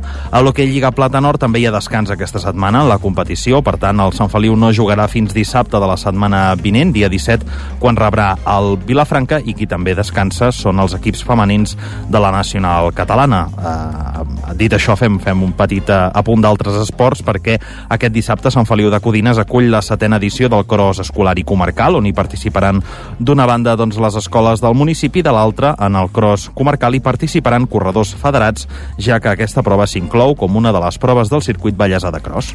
Gràcies, Roger. Isaac Montades, la veu de Sant Joan, esports al Ripollès aquest cap de setmana.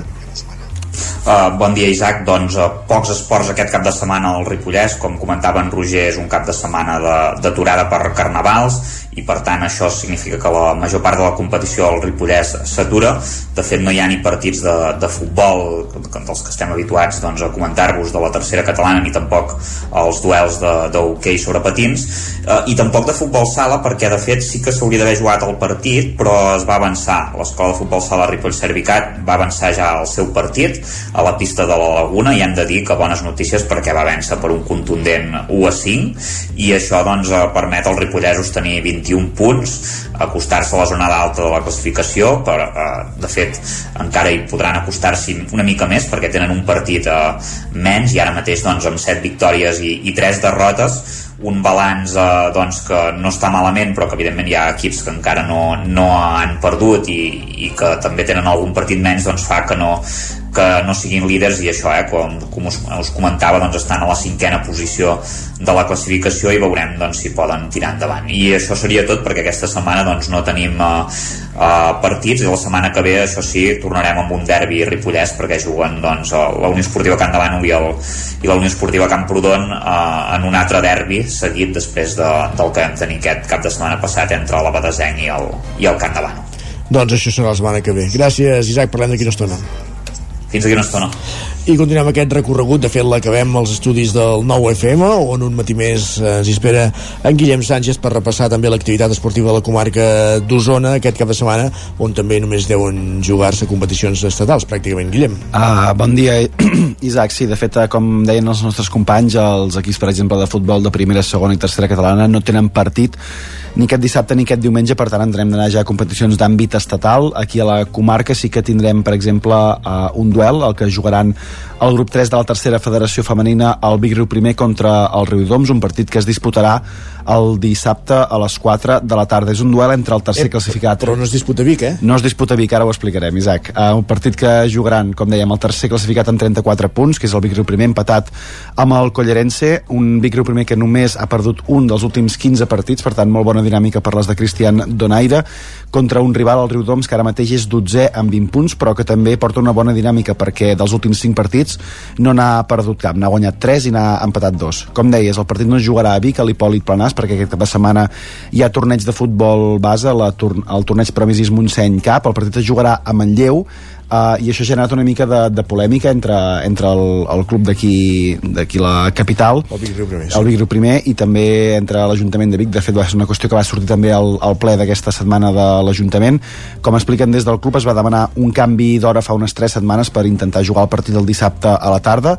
Això es va denegar des de l'Ajuntament que va aprofitar també per comunicar que el camp estava ocupat durant tot el cap de setmana per un torneig, per aquest de, de futbol base que, que deien. Podem sentir el regidor d'Esports, Eduard Comerma, responent, eh, si vols. Doncs endavant. Nosaltres el que fem normalment en aquests casos, avisem a les entitats, diem, tu, hi ha torneig, eh, hi ha algun problema amb els camps, hi ha algun solapament, ha hagut alguna cosa, aquí ningú va dir res, i el torneig el vam autoritzar.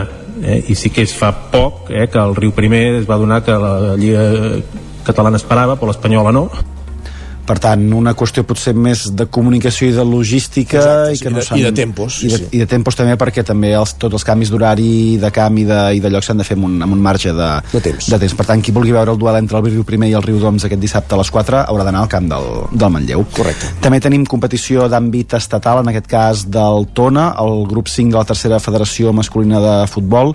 Serà diumenge a les 12 al camp del Vilafranca. Un Tona que fa ara mateix 3 jornades que no guanya amb dos empats i una derrota i els de Ricard Ferrés visitaran la pista del Vilafranca, ai, la pista, perdó, el camp del Vilafranca, ja és, ja és mania això, que és ara mateix 14è amb 22 punts i es troba a la zona mitja-baixa. A la primera volta, recordem que el Tona va guanyar 3 a 0 contra el Vilafranca i ara mateix una victòria faria costar una mica els de Ricard Ferrés l'estela de l'Hospitalet i de l'Olot, però que es troben a 9 i 10 punts de distància ara mateix en primera i segona posició, per tant, a intentar mantenir aquesta tercera.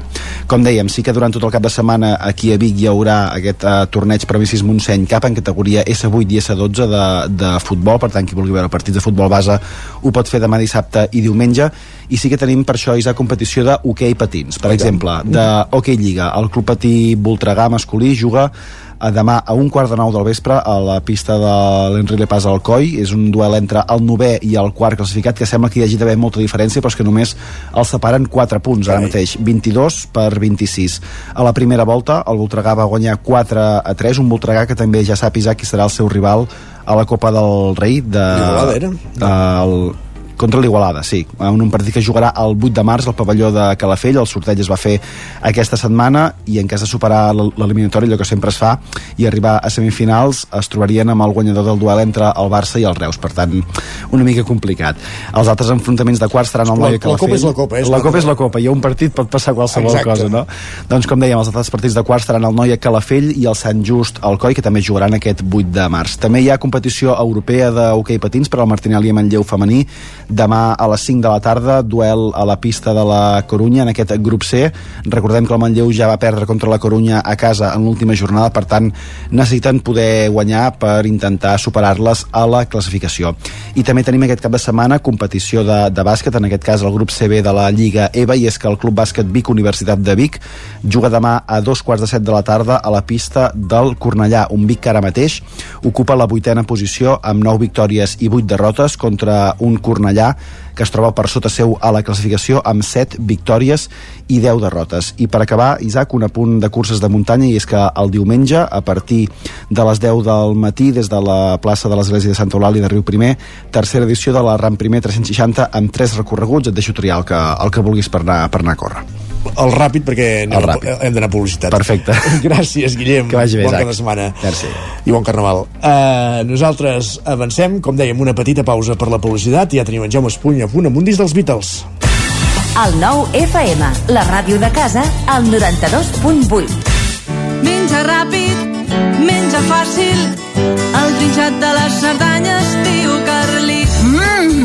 Boníssim! Trinxat Carlit, 100% natural, fet cada dia a Puigcerdà i a punt en un minut. Encara et preguntes com t'ho faràs perquè els nens mengin verdura? El trinxat de les Cerdanyes, tio Carlit. Ho han dit avui, el 9FM? Ai, no ho he pas sentit. Tot té solució. Recupera programes, seccions i entrevistes del 9FM al 9FM.cat. Des de ben petit tindre un somni que és obrir un restaurant. Han sortit moltíssims llibres. Et demanen dades que, per altra banda, l'administració ja hauria de tenir. I ja no com a ramadera, sinó com a ciutadans. Nosaltres intentem que tothom pugui marxar amb un croissant. I trobaràs també tots els nostres podcasts. L'infopodcast del 9-9, cada matí a partir de dos quarts de vuit. I comencem parlant d'un tema punyent. Persones que passen per moments de gran dolor. L'infopodcast del 9-9. La lupa, d'Agustí Danés, cada divendres. La lupa, Agustí Danés. Els aniversaris. Cada vegada vivim més anys i cada vegada hi ha menys naixements. La combinació d'aquestes dues evidències distorsiona la piràmide d'edat. Paraula d'enfruns, el nostre podcast de llengua cada dimecres. Quan escoltem ho fem voluntàriament i en canvi sentir, podem sentir moltes coses encara que nosaltres no vulguem. Bruixes del dia, el podcast de dones i bruixes de Laura Centelles i Maria Saladic. Estàs escoltant Bruixes del dia. La meva relació amb la mort és totalment diferent, perquè jo morts, diguéssim, físiques d'un cos, n'he vist, crec que una a la meva vida. Feeling de 5, l'actualitat de casa nostra en anglès. Hello and welcome to Filling the Sink, a podcast from Catalan News. My name is Lucia I també tots els relats finalistes del concurs de narrativa curta del 9-9. He despertat a mig de la foscor. Tinc la boca seca i els ulls El 9fm.cat, la ràdio en línia i els podcasts del 9FM. Cocodril Club. Si t'agrada la bona música dels anys 60, 70 i 80, escolta el 9 FM als matins de dissabtes i diumenges d'11 a 1. És el temps del Cocodril Club, tot un clàssic de la ràdio, amb les bases del pop-rock, les llegendes, les cançons que s'han convertit en autèntics himnes. Recorda, dissabtes i diumenges al matí, d'11 a 1, al 9 FM 92.8. Cocodril Club, el programa revival de l'Albert Malla. Hasta luego, cocodrilo.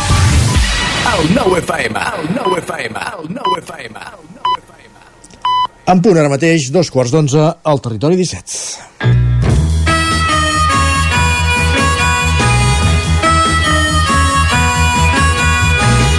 Last night I said these words to my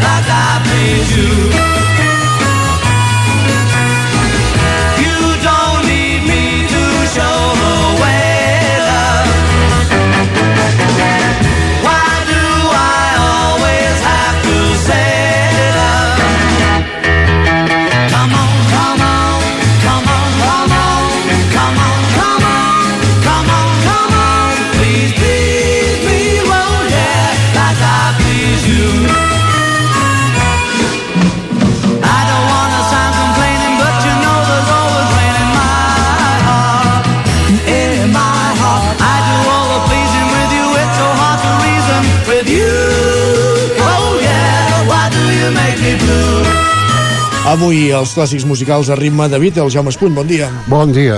Uh, és el disc uh, The Beatles, 1962-1966. És el vermell, que en diem, eh? El disc vermell, exactament. Uh, jo porto, però per un motiu, per sentir, escol... bueno, per escoltar els, ex, els èxits més famosos d'ells, com aquesta Sí. Please Please Me, de, fins a l'any 64. Perquè diumenge, aquest Sí. diumenge farà, el diumenge 11 de febrer, farà exactament 60 anys, 60 ja, es- estem parlant d'avis, sí? eh, 60 anys que van actuar per primer cop als Estats Units. Carai. Eh, exactament al Washington, Washington Coliseum. Per tant, si actuant per primer cop als Estats Units vol dir que ja ho havien fet bastant a Aquí, Anglaterra, eh? sí, però ja saps que fins que no vas als Estats Units tu no, no ets, No ets ningú, ningú, tu. Eh, en total hi van anar 8.092 espectadors. Diràs, és poc, però eh, llavors, llavors no, no, encara no era moda fer eh, concerts als estadis i que hi havia allà 80 o 90.000 persones, no? però esclar, van omplir. Eh, i el, sobretot les noies no van parar no van parar de cridar eh, bueno, eh, va començar la Beatlemania, la, la, o, o que també es coneix com la invasió britànica allà als Estats Units, perquè van arribar els Beatles després tots els altres grups d'anglesos cap allà, no?, a triomfar. Ara escoltarem la, la cançó que, la primera cançó dels Beatles es va fer famosa aquí a Espanya, perquè sempre anava una mica enrarrits per aquí. Eh, és She Love You, You.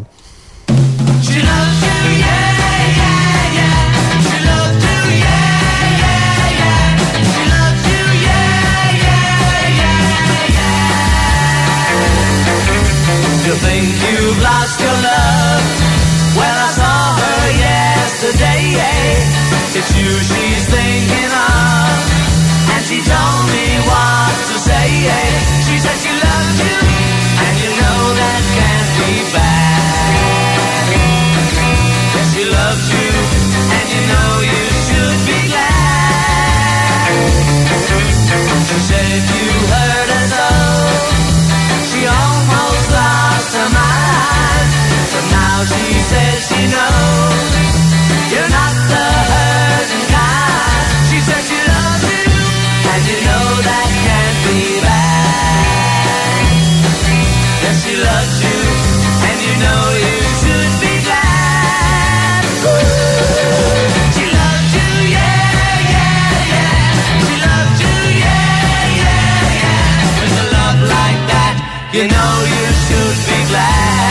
She Loves You You, una de les cançons dels Beatles que repassem avui els clàssics musicals, ara que farà 60 anys del seu primer concert als Estats Units. Sí. Eh, El pare del Paul McCartney estava empipat amb aquesta cançó perquè deien yeah, yeah, yeah sí.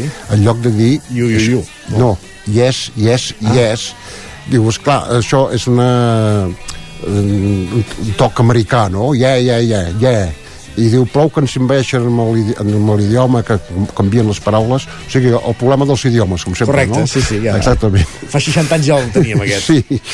Eh, el dia abans del concert I mira, I mira que en teoria parlen el mateix idioma. Exacte, altres. sí, sí, sí, però tu no li agradava això de yeah, yeah, yeah, Yeah, yeah, és yes. Eh, el dia abans de, de, van sortir la tele, abans del concert, van sortir la tele un programa que es deia, no sé si encara el fan, però era molt famós, Ed Sullivan's Show. Sí. Eh, i va, que va tenir una audiència de 73 milions de persones o sigui que era ben bé eh, la gent esperava els Beatles eh? I, eh, i esclar, i a Washington hi havia por per tant, eh, allà al concert que hi havia 8.000 persones, ja ho hem dit i van enviar 360, 362 policies Carai. eh, vull dir, més controlat impossible, no? Eh, hi ha un Això, document això avui seria un partit de futbol d'alt risc. del risc i 362 no ho sé, eh? N'hi posen, posen més, de fet. Sí. Uh, hi ha un documental que, que és famós, un policia que eh, amb, en plan despectiu dient que, que, no, que no es podia suportar els crits i sobretot deia aquesta música d'aquests tios Posem-los el trap de- sí, diu, i, diu, i, va, i diu que això fa gràcia que es va posar una bala a cada orella Mare per, Déu, per tapar-se les orelles. Sols que no va disparar.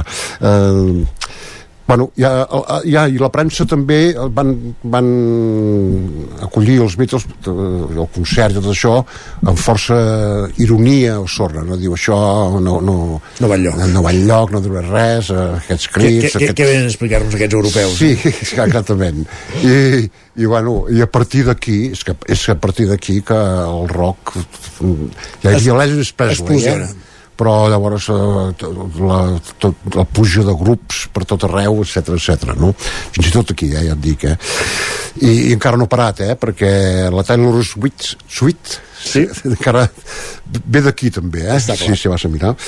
Ara escoltarem les dues primeres cançons, la veu cantant era el John Lennon, ara escoltarem el Paul McCartney, I Want to Hold Your Hand.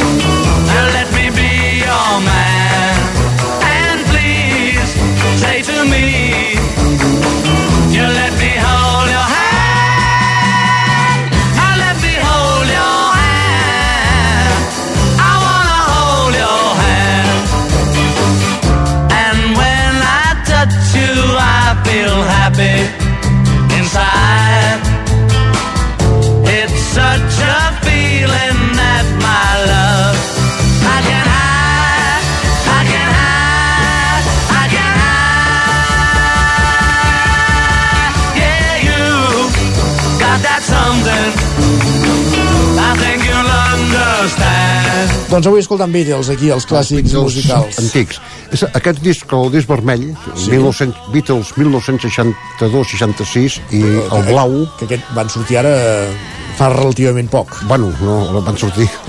Jo me'n recordo quan van sortir. Sí, era l'any 73 van sortir. Ah, d'acord, però haver una reedició ara... Eh, no, i, per, 90 i el compact i tot això, però Exacte. així doncs es van sortir. El blau és del 67 al 70, no?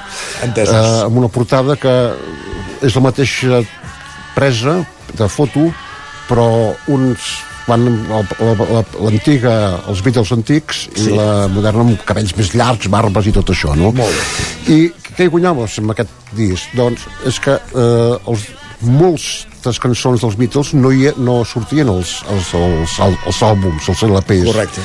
Eren singles, singles i allà es perdien, no? Bueno, i allà es quedaven. Clar, havies de tenir-ho tot, singles, Exactament. LPs... Sí, sí.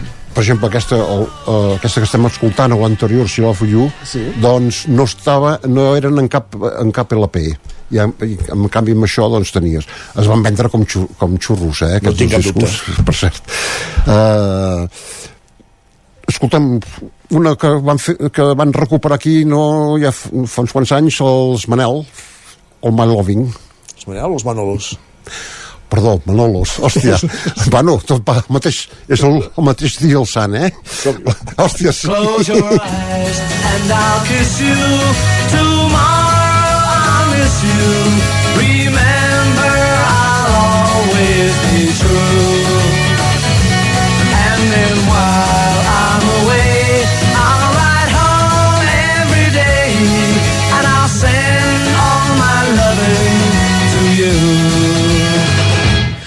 I'll pretend that I'm missing the lips I am missing and hope that my dreams will come true. And then while I'm away, I'll ride home every day and I'll send all my loving to you. All my loving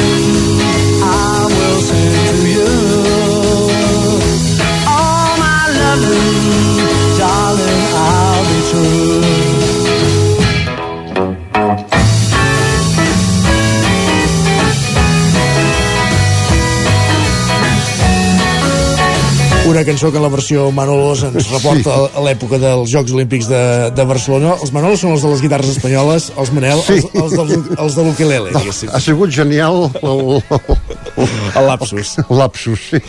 sí. Bueno, va tot de manels. Està clar.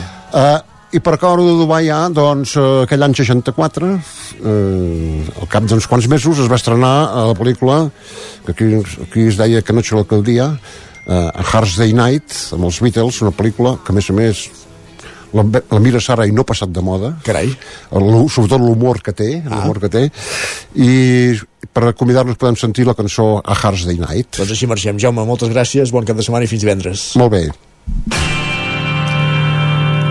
It's been a hard day's night, and I've been working like a dog.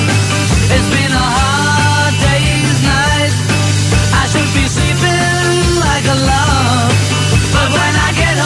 I find the things that you do will make me feel alright.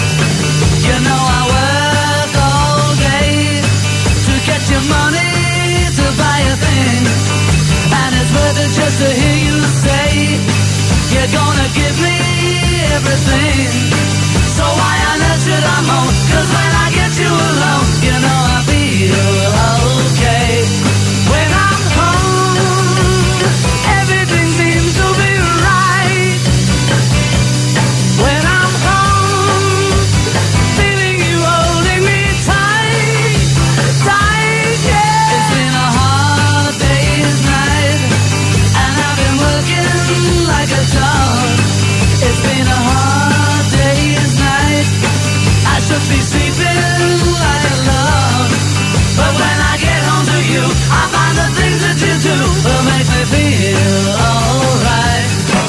Territori 17 Dos minuts perquè siguin tres quarts d'onze del matí. Què fem aquest cap de setmana? Anem a l'agenda.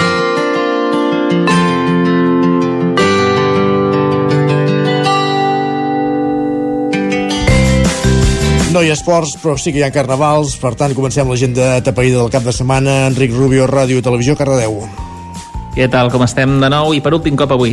Doncs sí, eh, tenim carnestoltes i a més a més és que Cardeu sempre anem plens del cap de setmana. Comencem, i és que avui divendres a les 8 al Tarambana tenim l'espectacle Cicle Indeterminat d'Improvisació lliure i a la mateixa hora, però al Cinema Esbarjo i durant tot el cap de setmana, la floristeria de l'Iris. Dissabte comencem de 10 a dos quarts de dues a Can Canturri, on tindrem l'espectacle Dansar, Cos, Consciència, Moviment i Veu. I a la mateixa hora, però ni molt menys menys important, valgui la redundància, comença la donació de sang a la Textil Rase, fàbrica de cultura. A dos quarts de cinc de la tarda, inici de la festa, com dèiem, i la Rua de Carnestoltes, a la plaça Joan Amat. I més tard, i ja no per tan petits, a la Sala Sarau, des de les 10 del vespre fins a dos quarts de quatre de la matinada, Remember edició Carnaval una festa organitzada per Batec, on tot l'import de l'entrada anirà per l'associació animalista. I ara sí, per últim, diumenge, i és que acabem el cap de setmana de dos quarts d'onze a... Disculpeu, a dos quarts d'onze a Can Canturris. Amb l'activitat a partir de dos anys Juguem Ballant. I a les 7 del vespre al Cinema Esbarjo, sessió clàssica espanyola El último cuplé unes sessions que el nou consistori ha programat en el que majoritàriament, i sense ser exclusiu per ells, això sí, s'hi aplega força gent gran. Així que res, esperem que passeu un bon cap de setmana i ens veiem dilluns. Fins dilluns, bon cap de setmana, gràcies Enric. Fins dilluns. Roger Rams, una codinenca, que també et deixem anar de cap de setmana, però abans passa'ns l'agenda d'actes a l'entorn d'una codinenca. Va, sí, home, abans de marxar haurem de saber cap on tenim, no?, una mica. Exacte. Doncs va, comencem com sempre aquí a Sant Feliu de Codines, on aquest dissabte, com dèiem abans, tindrà lloc la setena edició del Cross Escolar, una prova esportiva que inclou a les escoles del municipi i ja de tarda, aquest dissabte, s'apoderarà dels carrers de Sant Feliu el Carnaval, amb la clàssica rua encapçalada pel rei Carnestoltes i el bufó Piccolo. La cavalcada arrencarà a les 4 de la tarda des de la Font dels Àlbers, passarà per la plaça i acabarà al centre cívic La Fonteta. I ja diumenge, en el marc del 41è concurs de teatre amateur, la companyia Tres Panys de Mollà oferirà l'obra Imagina. Serà al Casal Cultural Codinenc a partir de les 7. A Caldes de Montbui també protagonisme total pel Carnaval aquest dissabte, que enguany es concentrarà a la zona esportiva del Bugarai. A partir de les 5 de la tarda hi haurà mostra de carrosses, tallers i a dos quarts de set doncs, arrencarà la rua amb les comparses. La festa acabarà al mateix lloc, al Bugarai, a les 8 amb el concurs de disfresses i la crema del rei Carnestoltes. A Vigues i Riells del Fai també molta activitat durant aquest cap de setmana. D'una banda, dissabte s'hi farà la tradicional escudella de Carnestoltes que es repartirà al punt de la una del migdia. A la tarda es farà el Carnaval familiar de Vigues, que tindrà la rua com a principal acte i que arrencarà i acabarà al pavelló municipal d'esports. I ja diumenge la festa es traslladarà a Riells del Fai, amb una rua i un concurs de disfresses, però a les 11 del matí. I pel que fa al Moianès, a Castellterçol, el Carnaval es concentrarà demà dissabte a la zona del Bosquet de Can Sadó, on a partir de dos quarts de sis hi haurà animació familiar, balls i també actuacions musicals. I a Mollà, en canvi, l'acte més destacat del cap de setmana, el Carnaval serà la setmana vinent, és un concert aquest dissabte a les 6 de la tarda a càrrec de la soprano Sabrina Gàrdez i el pianista Oriol Sanz. El recital serà al Teatre de Sant Josep de la capital del Moianès. Ja que esmentaves l'escudella de Carnaval de Vigues i Riells del Fai, recordem que dimarts hi ha escudella també a Sant Feliu de Codines. Dimarts 13 de febrer és també el Dia Mundial de la Ràdio i el Territori 17 d'allà i el Territori 17 serem allà dins l'olla de l'escudella per parlar d'aquesta festa i per fer el programa al carrer des de Sant Feliu de Codines, des de la plaça Josep Humbert Ventura dimarts, eh? Exacte, exacte. Allà serem a Sant Feliu de Codines, dia d'escudelles dimarts a Sant Feliu i també Castellterçol, eh? Per Molt tant, bé. eh, dia allò, escudellada popular. Veniu amb gana que, que anirà per tots. Perfectíssim.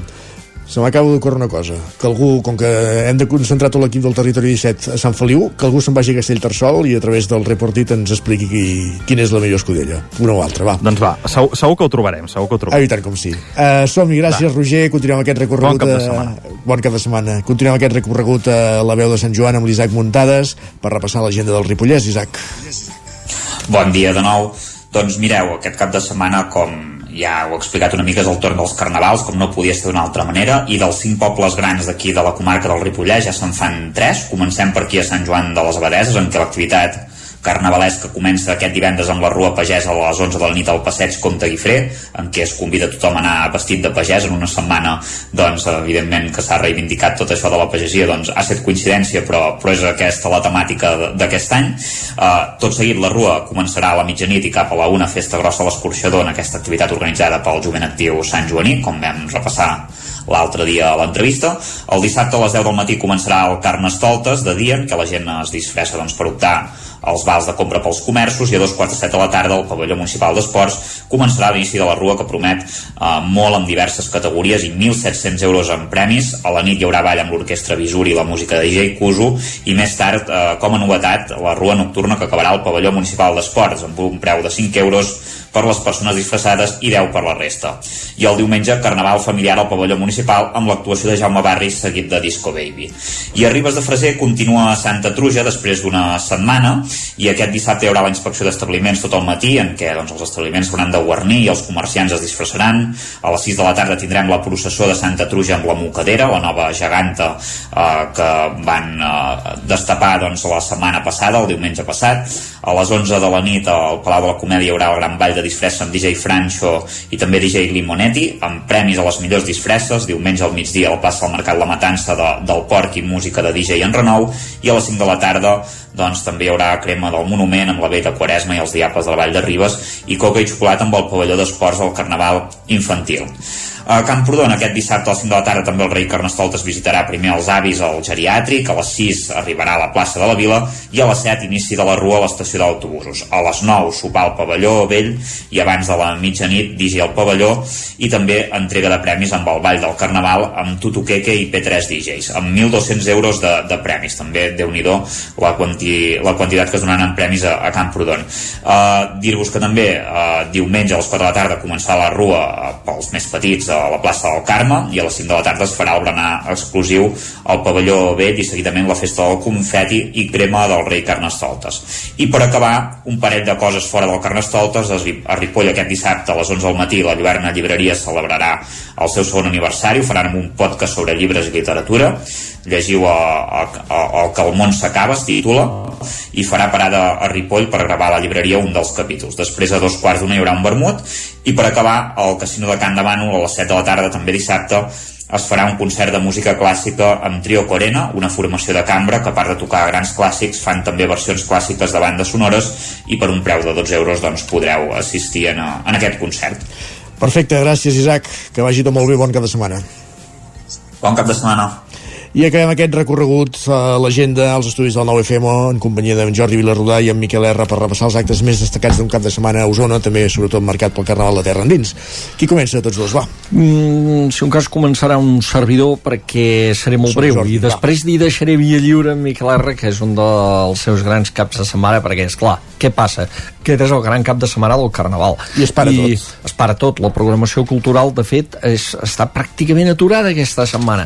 Només ressenyarem un parell de cosetes. Eh, de fet, eh, dues són a l'Atlàntida, dels que volíem esmentar, que és eh, dissabte al vespre un grup de tribut a la figura de Michael Jackson, que ha anat passant grups de tribut aquí a l'Atlàntida en concerts, hem vist algun d'Aire Straits, ara Michael Jackson, ten, tenen èxit ara aquestes formacions. Això és dissabte i diumenge destaquem, això sí, també eh, una obra de teatre, es diu The Party, eh, de fet és, és l'adaptació al teatre d'una pel·lícula del mateix nom de la directora Sally Potter, eh, que l'ha fet en Sergi Balbel. Aquesta obra reuneix a l'escenari tot un, eh, en fi, un repartiment de luxe, allò que es diu el tòpic d'un repartiment de luxe, però és un repartiment de luxe, veia en Lluís Soler, el nostre Lluís Soler, a més a més la Caral Casasaies, en Biel Duran, en Jordi Díaz, l'Àngels Guanyalons, i continuaríem una comèdia eh, que podrem veure, per exemple, aquest registre còmic d'en Lluís Soler, que no li veiem tant, eh, doncs, eh, que es podrà veure a l'Atlàntida el diumenge a les 6 de la tarda, si és que queden entrades, que en quedaven poques, i ara en aquest moment ja no sé si en queda alguna o no en queda alguna.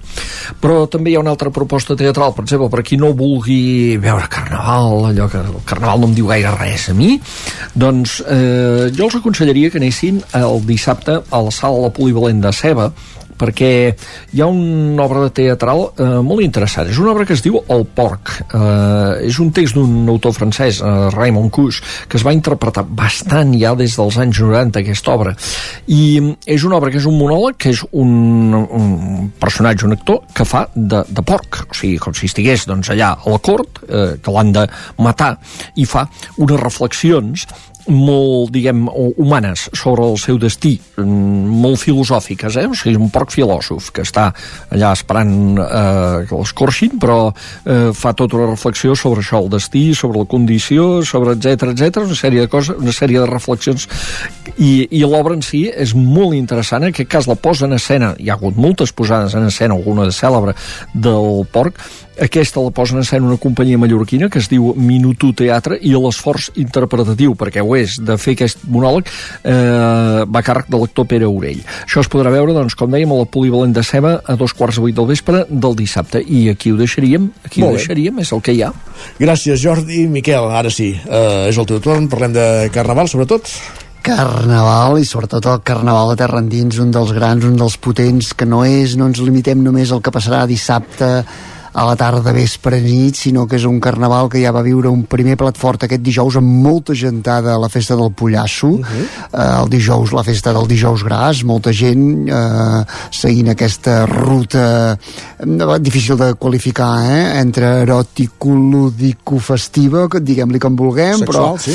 també, doncs la festa del Pollasso tindrà, eh, tindrem una segona, una segona gran etapa amb les senyoretes aquest divendres al vespre, les senyoretes i homenots, eh, també aquesta, aquesta festa que va néixer precisament fa 40 anys, ja així eh, en aquell moment transgressora, que també s'ha sabut adaptar als nous temps i que segur que portarà també molta gent al carrer, esperem que la, que la pluja, que em sembla que al vespre no, ja no està prevista que hi sigui, no, no faci cap, que precisament no es guerri la festa, això a partir de les 9 del vespre després del pregó ja hi haurà també l'inici de la rua eh, amb l'artista Xana Blue que ja és un habitual de la festa, cantarà des de la Garrossa i al final acabarà amb, amb, amb un concert d'Aquelarre Versions. Això aquest divendres per anar fent boca pel, pel, pel dia gran divendres viurem una, una edició de rècord, una 46a edició de rècord de participants, no, no tant de carrosses, de carrosses són les mateixes que l'any passat, 11 en la categoria de grans, 14 en la categoria de petites, però pensem que alguna d'aquestes carrosses freguen o arrosseguen pràcticament 400 persones disfressades, en total hi ha més de 4.000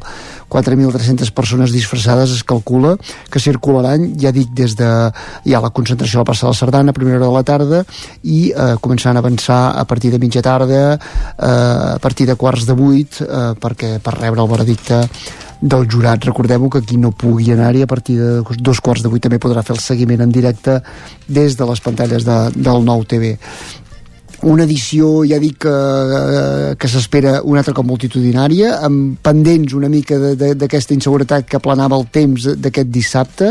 Veurem En, com... A... en Pepa Costa ens ha dit que a la tarda Semblava- ja amainarà la cosa. Correcte, per tant, semblava que, que la cosa ha de, ha de millorar a partir... Podria ser al matí, no? Més, però al matí no, no ens afectaria en aquest sentit. Bueno, afectaria la sortida de les carrosses, però bueno, sempre es poden tapar, sempre hi ha, Hi ha maneres de, de... Exacte. Molt bé, i el cap de setmana es tancaria eh, llavors diumenge encara amb el, amb el carnaval infantil, el diumenge a la tarda a l'entorn del Teatre Sirvianum. Recordem que més enllà d'aquest del carnaval gran, del gros, del de, del de Torelló, tenim altres petits carnavals també que, que intenten fer-se el seu espai aquest cap de setmana eh, presidit pel de Torelló, com són per exemple Sant Miquel de Balanyà, amb un caràcter molt familiar, que és aquest mateix divendres a la tarda, bàsicament protagonitzat per les escoles, el dissabte a la tarda també així amb caràcter familiar i el de Tona, també a partir de quarts de sis de la tarda, aquest recordem que els últims anys s'havia anat movent, s'havia fet celebrat eh, diumenge, celebrat dissabte, o finalment s'ha consolidat el format de dissabte, bàsicament amb protagonisme escolar, el mateix dissabte a la tarda també hi ha Sant Julià de Vilatorta, que ja el fan compatible pel que vulgui eh, viure primer disfressar-se al poble i llavors anar-se'n cap a Torelló, i eh, finalment eh, dos clàssics del diumenge, un és el de Prats de Lluçanès, diumenge al matí, Uh, i l'altre és Sant Quirze de Besora que és el, el, el que comparteixen Sant Quirze i Montesquieu que cada any diguéssim hi ha un dels dos pobles que fa d'anfitrió. Aquest any els anfitrions són Sant Quirze de Besora sortida de, les, de la rua a primera hora de la tarda i acabada al pavelló de Sant Quirze Doncs cap de setmana marcat per Carnaval, hi ha molta activitat que s'atura, però evidentment Carnaval en genera també molta la festa de, de la disbauxa. Uh, perquè, no, perquè sapigueu que no ens n'hem oblidat, perquè fa molts dies que anem parlant de tonis, encara fins i tot Com qui no? vulgui veure passar el seu passant serà a Roda aquest diumenge al migdia, el que comparteixen els municipis de Roda i les Masies. Ja veurem per on passa, tenint en compte que tenim el pont, de, el pont Sí, han hagut de variar, correcte, han hagut de variar recorregut per, per no passar per aquí.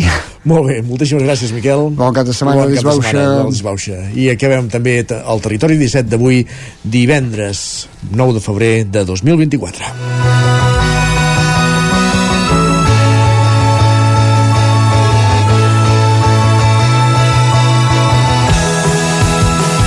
Arribem al punt de les 11, pràcticament. Us hem acompanyat des de les 9 Pep Acosta, Agustí Danés, Jordi Vilarrodà, eh, Jordi Ramolins, jo, Roger Rams, Isaac Muntades, Enric Rubio, Guillem Sánchez, Jaume Espuny, Miquel R, Sergi Vives i Isaac Moreno. El Territori 17 hi torna dilluns, a partir de les 9 del matí. Fins aleshores, molt bon cap de setmana a tothom, gràcies per ser-hi i bon carnaval.